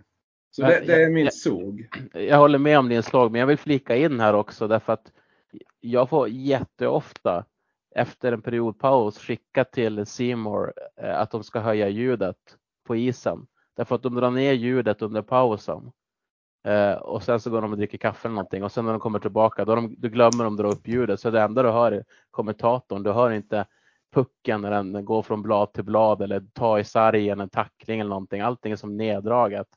Så det är så ofta jag fått skicka på Twitter till dem att de ska höja ljudet och så har det gått sju minuter av en period och så höjer de. Det är otroligt frustrerande den där helheten. Så att jag, jag ville bara ta, ta, snylta mig in på din slag. Det är helt okej. Okay. Eh, hissen Eh, jag har egentligen två, men det, det är två spelare som, som eh, relaterade till gårdagsmatchen. Eh, jag börjar med Linus Widell, eh, har vi pratat mycket om, så jag bara säger namnet. Han avgjorde dessutom igår då. Eh, och även eh, Rickard Olsén. Några timmar innan gårdagsmatchen mot Södertälje så förlängde Rickard Olsén med Kristianstad. Och eh, jag la ut en tweet om, tweet om det, hans viktighetsgrad för Kristianstad IK och det, det, är ett symbolvärde i att eh, eh, en ledande back, eh, Rickard Rosén och Viktor Grahn är ju de, de klart bästa backarna i Kristianstad och eh, stor risk att, eh, trodde jag, att eh, man tappar båda till SHL nästa säsong. Men nu har alltså Rickard Rosén förlängt. Sen vet jag inte om han har någon SHL-klausul i kontraktet men ändå ett eh, en viktig signal att eh, Rickard Olsén förlänger med Kristianstad IK. Så det är min hiss. Eh, Widells eh, form och eh, Olséns förlängning. Snyggt. Adam, har du funderat klart? Ja, eh, jag försöker komma på någon hiss som inte handlar om SSK, men det gick inte. Mm. Men jag kommer att hylla Linus Widell. Eh, hans form har vi väl pratat tillräckligt om, men även hans ledaregenskaper. Eh, jag, jag tror inte det finns ord som beskriver hur viktig han är för föreningen. Han har varit här förut och han vet hur allt funkar och det är bland annat så, jag tror det stod i LT någonting om att första dagarna tillbaka i augusti, han hade stängt av all musik i omklädningsrummet för att alla skulle prata med varandra. Eh, och sen när Salin, Alexander Salins match mot Västerås eh, så ville hela klacken att han skulle dra igång en ramsa för att han hade gjort hattrick. Men så kom han, så kom han, han fram och skriker att det är Salins match och ber alla att skandera hans efternamn. Uh, och sen var det någon annan match där efteråt att Jakob Dahlström åkte fram till klacken och bad, och bad alla skandera Linus, Linus, Linus Videll. Det säger också någonting om eh, hur mycket han betyder för hela laget. Så hoppas jag att några djurgårdare lyssnar på det här nu. um, vad ska man såga? Uh, jag, jag har två stycken i huvudet. Den ena är mer kontroversiell än den andra. Men eh, äh, jag, jag fegar nog lite idag och uh, tar någonting jag redan har sågat tidigare. Och det är de här jävla superfredagarna som det bland annat är imorgon. Alltså jag, jag tycker allvarligt om kan, att, det, att det här upplägget kan fara åt helvete. Jag är så förbannat trött på det. Och så har vi, vi i SSK supporterklubb har försökt arrangera en resa till Västerås imorgon. Och det är ganska bra fredag, bara en och en halv timme dit. Men det är matchstart klockan 18. Det innebär att bussen måste gå klockan 16. Och nu har vi lyckats fylla en buss, men det är hur många som helst som inte hinner sluta sina jobb till, till, till klockan 4. Och det är även om man får den sena matchen 20.30. Matchen är för fan slut kvart i elva. Om det är tre perioder. Vi, det, det, det, det är liksom hur många som helst som inte kan gå på det då. Uh, jag vet att det är någonting jag sågat förut, exakt samma sak, men jag är bara otroligt frustrerad över det. Mm, men när, när sågen kommer, då kommer den. och det, det, spelar ingen roll om man har varit inne på det tidigare. Eh, mm. eh, jag, jag, går in på det här också. Sågen för mig är någonting som vi också har pratat om tidigare, alltså med spelschemat och liknande. Nu har vi, eh, vad sa jag att det var det 25 vilket datum är det idag? 26 ja. januari? Ja. Och jag vet inte, det, jag tycker spelschemat är lite konstigt. Jag tror vi har haft två veckor i 2023 där vi bara haft en match. Och sen vissa veckor har vi haft två matcher. Och jag förstår som inte upplägget när man jag vill ha lite mer, jag vill ha lite mer regelbundenhet i matchandet. Min hiss eh, som jag tänkte på redan igår, det är faktiskt, eh, jag kommer ta med Linus Widell nu också Adam. Så att, Eh, men inte bara han utan jag tänker också på Gynge i AIK som har kommit igång fint. Jag tänker på Marcus Kryger i Djurgården som är en duktig spelare även fast de har det väldigt tufft. De här gubbarna gubbarna i Hockeyallsvenskan, gubbarna i SHL, men nu fokuserar vi på Hockeyallsvenskan. Jag tycker att det varit ganska mycket åldersfixering ibland på spelare. Men klass har, klass har ingen ålder. Och det tycker jag att eh, många av de här spelarna visar genom sitt spel på isen. Så det är min hiss. Mer gubbar med klass. Ja, nu grabbar, vet du vad ska göra nu? Nej. Nej. Nu är det lyssnarfrågor. Och de ja. ska vi ta och beta av. Här är en, en fråga sparad sedan tidigare från Marcus Forsberg. Eh, vilka är de spelare i varje lag som inte får rubriker men ändå en viktig kugge och hamnar i skuggan av poängspelarna? Och här tänker jag att vi kanske inte har tid att rabbla upp alla spelare som vi tycker är skymundanspelare, men vi kan väl lyfta fram en del. Thomas, har du några som du tänker på rent spontant? Ja, i Kristianstad tycker jag eh, Robin Karlsson, han, han har varit, varit en poängspelare tidigare, eh, både i, i Hanlas i Hockeyettan och eh, även i Tingsryd gjorde han rätt mycket poäng. Men i Kristian, eh, Kristianstad har det inte blivit så mycket poäng och inte i BIK Karlskoga när han kom dit han, eh, som han lämnade för att komma till Kristianstad. Men eh, jag tycker att han är en oerhört eh, viktig spelare för eh, Kristianstad. Eh, han är, jobbar alltid hårt. Han spelar både 5 mot 5 och boxplay och otroligt smart spelare. Han är på rätt plats på is och ser de här öppna passningarna. Och eh, även, ja du såg ju matchen igår Adam. På slutet slängde han sig och täckte ett skott och det tog rätt så illa. Men eh, jag vet inte statusen på honom efter det tyvärr. Men eh, det säger rätt så mycket om eh, Robin Karlsson. Till saken hör också att han, han missade tio matcher eh, av säsongen. Han spelade åtta matcher, sen missade han tio. sen när han kommer tillbaka på grund av en fotskada. Och eh, jag tror pucken igår, enligt kommentatorn, tog den upp på, på foten. Så att det är bara att hoppas att eh, det inte är något allvarligt med Robin Karlsson. För som jag säger, han är en viktig spelare. Med hjärta spelar han och eh, smartness på isen. Mm. Adam, har du några som du tänker på?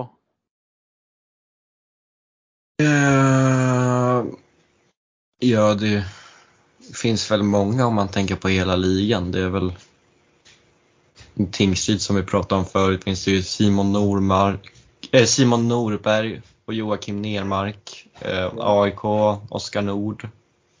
Eh, men det är väl, eh, om och jag tänker Södertälje så Jakob Dahlström, men han är väl väldigt älskad av supportrarna. Sen har vi Jakob Jerselius, Leon Wallner och sen Emil Alba som dessutom har börjat göra en hel del mål nu. Mm. Han verkar gå starkt nu, Alba. Det har jag själv tänkt på. Att han verkar verkligen ha hittat rätt den här säsongen. Uh, ja, han har gått in i en kedja nu med Liljevall och Karlsson och har gjort några baljer och det är bra för Liljevall och Karlsson har gått lite trögt innan så det är bra att få igång de två också. Ja, Naturligtvis så gjorde Emil Alba mål igår ju. Men det, som sagt, det vet ni Alla gör mål och alla gör sina bästa matcher i målet mot Kristianstad. Det är sen gammalt.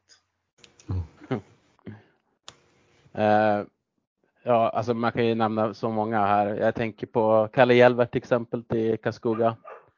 Som en otroligt duktig center. Um, I Modo så skulle jag vilja ta fram eh, eh, uh, uh, AP Adam Pettersson.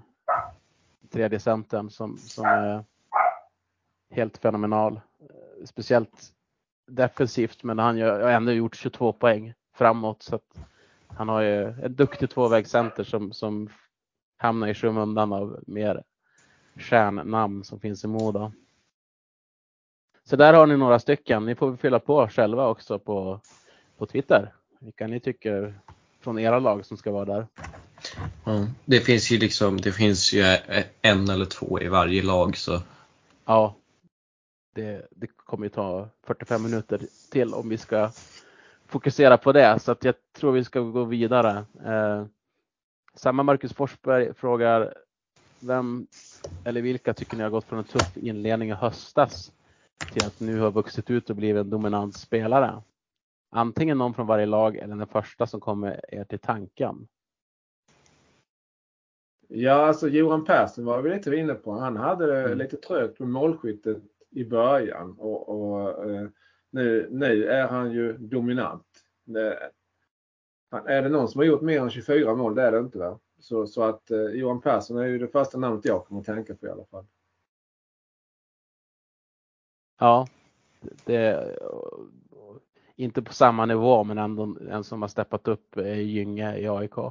Ja, absolut. Mm. Kryger har väl börjat leverera poäng senaste månaderna lite grann. Kryger, Videll såklart. De sista, speciellt de sista tio har jag varit helt tokig. Uh, ja, det är väl de som, som man tänker på rent spontant. Ja.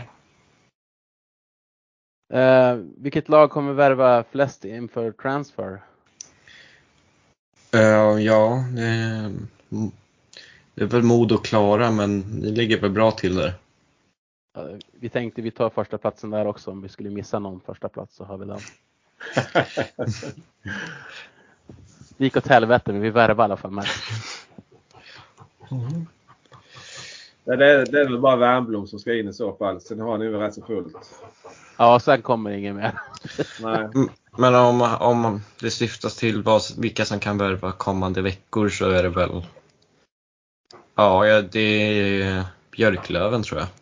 Som ja. har störst chans att landa någonting. Ja, absolut. Det, jag tror att eh, alltså det är ju ett SHL-race nu skulle jag vilja säga. Alltså det, det, är ju, man kanske tänkte från början att det var, eh, eller jag i alla fall, att det stod mellan tre lag då eh, Modo, Björklöven och Djurgården. Men nu tycker jag att Mora, som, som du nämnde här, Adam, är ju en riktigt het kandidat och ska inte räkna bort Södertälje heller. Ett bra försvar också mm. plus eh, Videll i högform och även Pasic levererar en del framåt och, och viktiga spelare som Dahlström och, och Alba som du säger också. Så att det finns eh, kanske fem lag i alla fall som har chansen att gå upp i SHL och eh, inget lag som man ser sådär på förhand som är det givna. Och eh, Björklöven ser ju såklart chansen precis som eh, Modo nu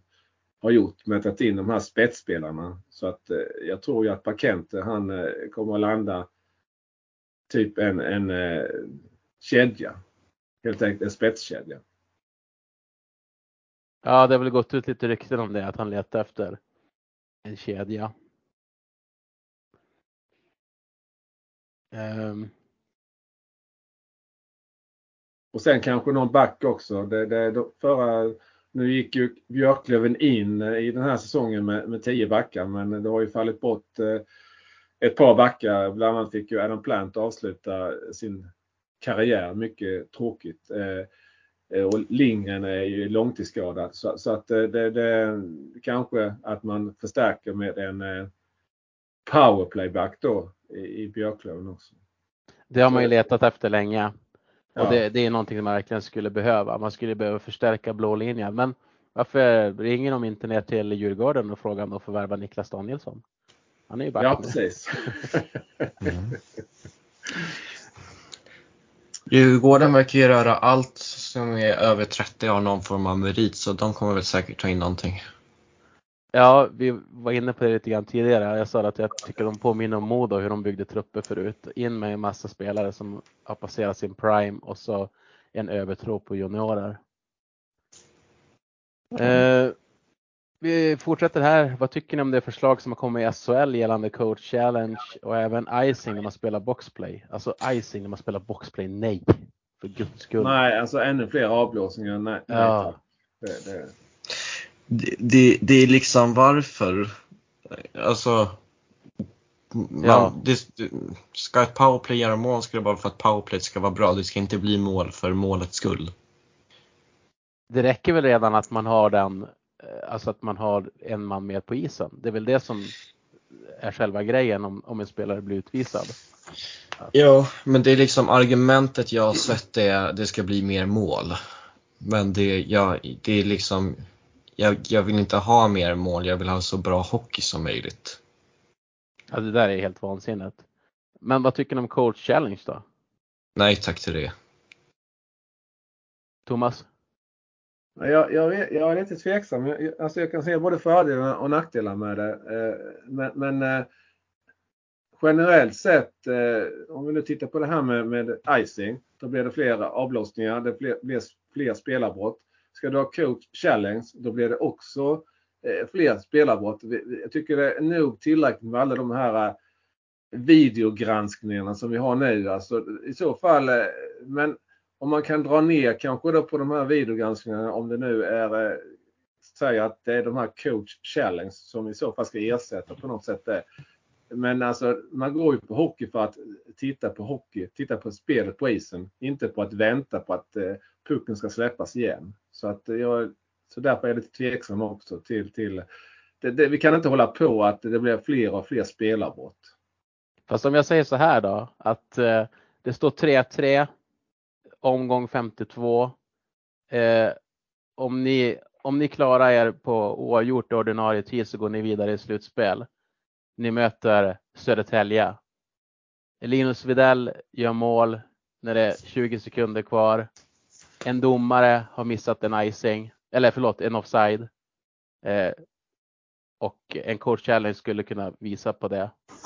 Men ni åker ur.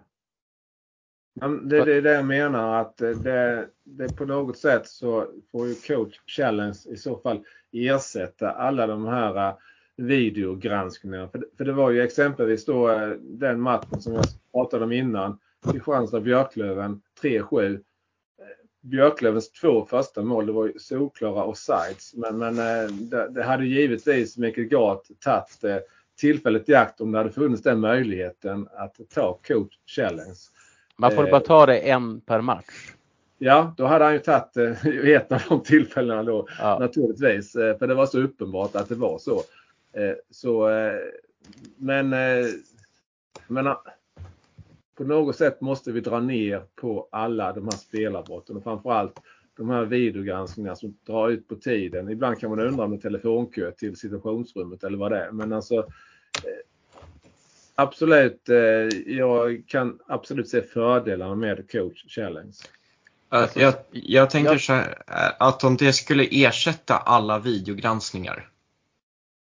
Alltså att om någon trä, om tränare har en, ett, en syn på ett mål att kunna använda det och så ringer de på det och sen blir du av med dina coach challenge om du har fel och du får en utvisning. Okej, okay, fine.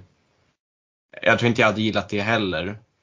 Men att vi redan har nu massa videogranskningar och nu ska vi, tränarna nu även få möjlighet att klaga på att en spelare har sitt armhår offside. Det, det, det blir bara för mycket. Fast problemet som jag ser det med det här som gör att det är intressant, nu det gäller det här SHL, så att eh, egentligen så har inte det med Hockeyallsvenskan ens att göra. Eh, men med den domarnivå vi har i Hockeyallsvenskan. Det blir två, tre felbeslut per omgång, typ som leder till mål som inte ska dömas mål. Då tycker jag att vi har ett ganska stort problem. Och jag förstår i så fall i sådana situationer att man som coach gärna skulle kunna utmana och ta bort ett av de här målen i alla fall som kanske blir fel i, för ett, en slag under en match. Nu säger jag inte att det blir för varje lag två, tre men, gånger utan sammanlagt en omgång så blir det många konstiga slut. Men är offside ett jättestort problem? För det är liksom co-challenge. Det är som igår när Djurgården ropade domarskandal där när Björklöven hade sex man. Det är inget du hade kunnat utmana med co-challenge. Nej, det är det inte. Men jag har inte sagt att det är just offside som har varit problemet heller. Utan jag har sagt att det blir två, tre beslut per omgång som får väldigt stor uppmärksamhet eh, Eh, som ofta leder till mål eller som leder till mål. Det är därför det får stor uppmärksamhet och att domarnivån ligger till grund, att den är för låg. Man tar för mycket fel beslut eller inte beslut alls och det gör att ett coach challenge tycker jag skulle kunna existera. Jag tror du de där situationerna kommer uppstå oavsett. Det, det gör inte huvuddomarna bättre på att bedöma utvisningar. Nej, nej, det är det jag menar. Det är det som är hela mitt argument. Att när domarnivån ah. är på den här nivån så förstår jag vitsen med coach challenge. Alltså jag skulle förstå det. Därför att okay. då har man i alla fall en möjlighet att rätta till ett misstag. Därför att jag fattar ju ändå grejen med att det kan bli mer avblåsning, man kan utmana. Men det är en gång per match. Och det är en sak i grundserien, men sitter du i en sjunde avgörande semifinalmatch och det är ett beslut som är ett helt helvete och alla säger att det är fel förutom domarna, då tror jag att man nog inte skulle vara så kritisk till det. Ja, alltså jag ser inte att det jag ser inte att det hjälper på något sätt mer än för det är ju antingen kan du om domarna inte tycker att någonting är värt att ringas på som händer i målgården så får du, kan du be dem att göra det. Om, och om du tror att det har varit offside kan du be dem titta på det. Så, ja, det, jag ser inte coach challenge som en lösning på något problem egentligen. Nej, det är det absolut inte. Det är en liten konstgjord andning för att få bort mer. Alltså så är det ju. Alltså, det, den viktigaste nyckeln är ju att höja kompetensnivån på domarsidan det, det är där det sitter. Det var huvudet på spiken Johannes. Ja, vi går vidare. Tror ni att Nick Schilke kommer hamna i topp 10 rekord för antal poäng i grundserien? 64 poäng sitter Conor Strömberg som är 10 och Schilke är på 49 nu. Ja, han har 50 nu. Han gjorde poäng igår igen. Ja. Han har... Så han ska göra 13 poäng på deras 14 matcher. Ja, 14 poäng för att komma på 64. Ja, 14. Så en poäng per match. För Han har att dela med Conny Strömberg. Ja, och så går han säkert före för att jag betvivlar att Conny hade lika mycket mål som Schilke. Ehm, jag säger, det är inte omöjligt att han gör det, men jag säger nej. Thomas, vad tror du? Eh, jag tror ja. Jag, jag tror att eh, nu blir det ett race här på slutet och, och, och säkra så bra plats som möjligt in, inför val och så vidare i slutspelet. Och eh, då kommer eh, eh de här viktiga spelarna att växla upp. Och eh, Schilke ligger ju nu redan på 38 matcher 50 poäng så att eh, han ligger ju över snittet på e-, en poäng per match. Så att, eh, och eh, han har ju 23 mål, 27 assist. Han kommer att lägga ett antal assist till eh, Scott Pooley och även till eh, Fitzgerald då, som, som eh, har gjort mycket mål i powerplay. Så att, så att ja, jag säger ja. Ja, min hund sa jag också. Ja. Mm. Hur många frågor har vi kvar? En. Okej. En från Mattias Danielsson, Troja. Han skriver och frågar. Jag skulle gärna vilja ha lite tyckande kring att dela upp Hockeyallsvenskan i norr och söder och Superallsvenskan efter jul. Eh, sett ur vinklarna intresse, ekonomi, klimatpåverkan samt vilka lag som får ta steget ner. Um, ja, alltså intresse. Jag, jag gillar inte när man håller på med sådana här regionala serier, tanken om regionala serier för att typ få mer rivaliserade lag. För jag, jag tycker man ska sprida ut de matcherna så mycket som möjligt. Um, sen, jag, jag är för ung för att uppleva dåtiden men jag har sett tabeller och det är väl ingenting som gör mig jätteexalterad av den tanken. Eh, utan, och jag tror inte att vi har, då krävs det väl minst 20 lag i Hockeyallsvenskan. Och jag tror inte det finns så många, jag tror det blir få klubbar som kan utmana uppåt seriöst då. Eh, jag hade hellre sett ifall man hade 20 lag så hade jag hellre kanske sett att det var 20 lag i en serie och sen är det dubbelmöte istället för fyra matcher. Ja, som, som serien är uppbyggd, alltså som, som det ser ut nu så vill jag inte dela upp i någon norr eller söder utan två hemmamatcher och två bortamatcher. Det, det vill jag ha. Och sen ur ekonomi och liknande, alltså. Ja, spelar man Hockeyallsvenskan så måste man ju ha, ha en ekonomi. Det, det är ju som. Jag förstår att det blir billigare, men jag förstår inte hur du ska höja intresset heller för serien av att Västervik och, och Tingsryd ska mötas flera gånger. Nej, det, är, alltså det enda som känns fair med det där, det är väl klimatpåverkan men då, det är inget argument som är starkt nog på egen hand. Nej, Nej men det, det, det som du säger, alltså ekonomiskt det är ju egentligen kanske den största vinningen då.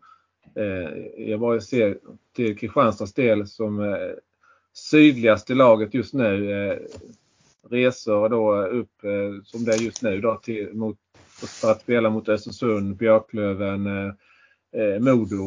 Eh, det kostar klart eh, och eh, det finns inget alternativ att eh, flyga utan det, det är buss och det är många hotellnätter och, och så vidare som man är hemifrån. Och, och, eh, men samtidigt så Ja, men vi, vi ser ju att det finns ju klubbar som eh, inte har rätta mun efter matsäck riktigt. Eh, vi pratade innan om Vita Hästen som har svåra problem. Vi, vi pratar om eh, Almtuna som lägger ner damlaget för att eh, här seniorlaget ska, ska kunna spela vidare eh, med bra förutsättningar. Och eh, vi ser att Västervik har problem. De säljer av eh, både Brickley och Vela. Så att eh, uppenbarligen så rättar ju inte alla hockeyallsvenska klubbar eh, munnen för matsäck. Så, så, att det finns ett problem där. Ur den synvinkeln så hade det varit bra med en sydlig och en, en nordlig eh, allsvenska. Men eh, kvaliteten eh, blir ju betydligt sämre. Eh, det som, ja. Så att det, det är tveeggat där också. Det är jättesvårt. Men man kan tycka att det grundläggande är att man som klubb ser till att man klarar en säsong. Att man inte äventyrar ekonomin genom att ta in spelare som man inte har råd och ha under hela säsongen. Ja, ja men enig. Sen kanske det till och med att de har tjänat på att ta in dem och sälja iväg dem dyrt just den här säsongen. Eh, men det vet inte jag så mycket om egentligen. Nej, men jag, jag, tycker det är, alltså, ursäkta mig nu, att, men alltså jag, jag blir eh, jag blir så arg på det här. Alltså, alltså att, att, man, att förutsättningarna ska ändras så oerhört under pågående säsong. Att det är så stor skillnad på lagen som du går in i säsongen 23 september och du bara tittar på det nu. Och då har vi ändå eh, drygt två veckor får en halv vecka kvar tills eh, transfer deadline. Hur mycket kommer inte hända då? Alltså, och som jag sa nu, det är fem lag, fem klubbar som, som kommer att göra upp om eh, SHL-platsen. Lita på att det kommer att rustas. Ja, Modo har väl i stort sett rustats färdigt. Ska bara ta in Värmblom då. Men alltså det kommer att bli en rustningsrace här nu av eh, ja, sällan skådat slag. För att alla lagen ser möjligheterna att eh, ta steget upp. Nu sa i och för sig Bogen igår att ska vi ta in något mer till Södertälje ska det vara något som, som eh, en spelare som, eh, ja, som passar in på alla sätt. Liksom då. Så, så att, eh, men, men eh, jag är rädd för att det, det urartar det här liksom. Att det, det är så stor spelaromsättning under säsong och det är pinsamt när man byter klubb och sen matchen efter så, så ställs man mot de lagkamraterna som man kanske har kämpat med under hela, hela försäsongen. Ja, förlåt mig men det, det blev en liten utläggning här men jag kunde inte hålla mig. Ja. Ja. Eh, sen eh, är det övrig fråga om vi har någon sån men eh, jag, jag, tror inte det har kommit in någon fler. Uh, no, jag behöver kila. Ja, jag Så. tror att vi, vi helt enkelt avslutar på dem. Ja, nu när jag har fått ut mina aggressioner kan vi göra det. det är perfekt. Avsluta med en liten utskällning. Eh, ja, men vi tackar ju allihopa som lyssnar på podden och jag tänkte bara säga det att eh, vi har haft lite svårt att få ut avsnitt och en av anledningarna till, till att vi har tyckt att det var svårt att få ut avsnitt det är att det är ganska mycket efterproduktion i klippning och liknande. Så därför gör vi ett försök den här gången att eh, vi bara spelar in de misstag som eh, blir, de blir och eh, sen lägger vi ut det bara utan att klippa speciellt mycket alls. Och om det känns okej okay för er som lyssnar så får ni gärna säga det och är det så att ni tycker att det är helt uruselt att vi slutar klippa, då får ni säga det. Vi kanske får en liten omröstning Thomas, vi lägger in på Twitter eller sånt om det är okej. Okay. Mm. Men det är en möjlighet för oss att få ut mer avsnitt. Yeah. Och om man vill skriva till oss så hittar man oss på Twitter, BTH-podden där. Ja. Jag vill bara tillägga att eh, vi är alltså, det är en amatörpodd här i den meningen att vi har eh, jobb vid sidan om eller skola eh, som, som tar mycket tid. Så att, eh, det, det, och det är svårt. Vi är sex stycken i, eh, som ingår i HR-podden och nu ikväll så, så är vi tre stycken. Och det, det, är svårt att få ihop det med allt som kommer emellan i livet och så vidare. Och, eh, eh som sagt, vi har jobb och, och eh, studier vid sidan om och, och skola. Så att eh, det, det är ingen, ingen bortförklaring men eh, det är ändå att vi det, nu har vi pratat i två och en halv timme och det, det, det tar sin tid att redigera det, även om det inte är jag som gör det. Så. yeah, speciellt, när, speciellt när de flesta av oss har fokus på att skriva om våra egna lag också. Det är inte amatörpoddar som får ut någonting en gång i veckan har oftast det som deras enda fokus. Mm. Så. Exakt. Ja, yeah. men vi, ja. Vi tar i alla fall gärna feedback på det så att vi vet hur vi ska gå vidare framåt. Eh, oredigerat eller redigerat. Eh, fler avsnitt eller mindre avsnitt. yes. Då ska vi tacka allihopa som orkar lyssna på oss i två och en halv timme. Eh, ha det så jävla bra. Ha det jättebra. Tack så mycket. Hej då. Hej då. Hej.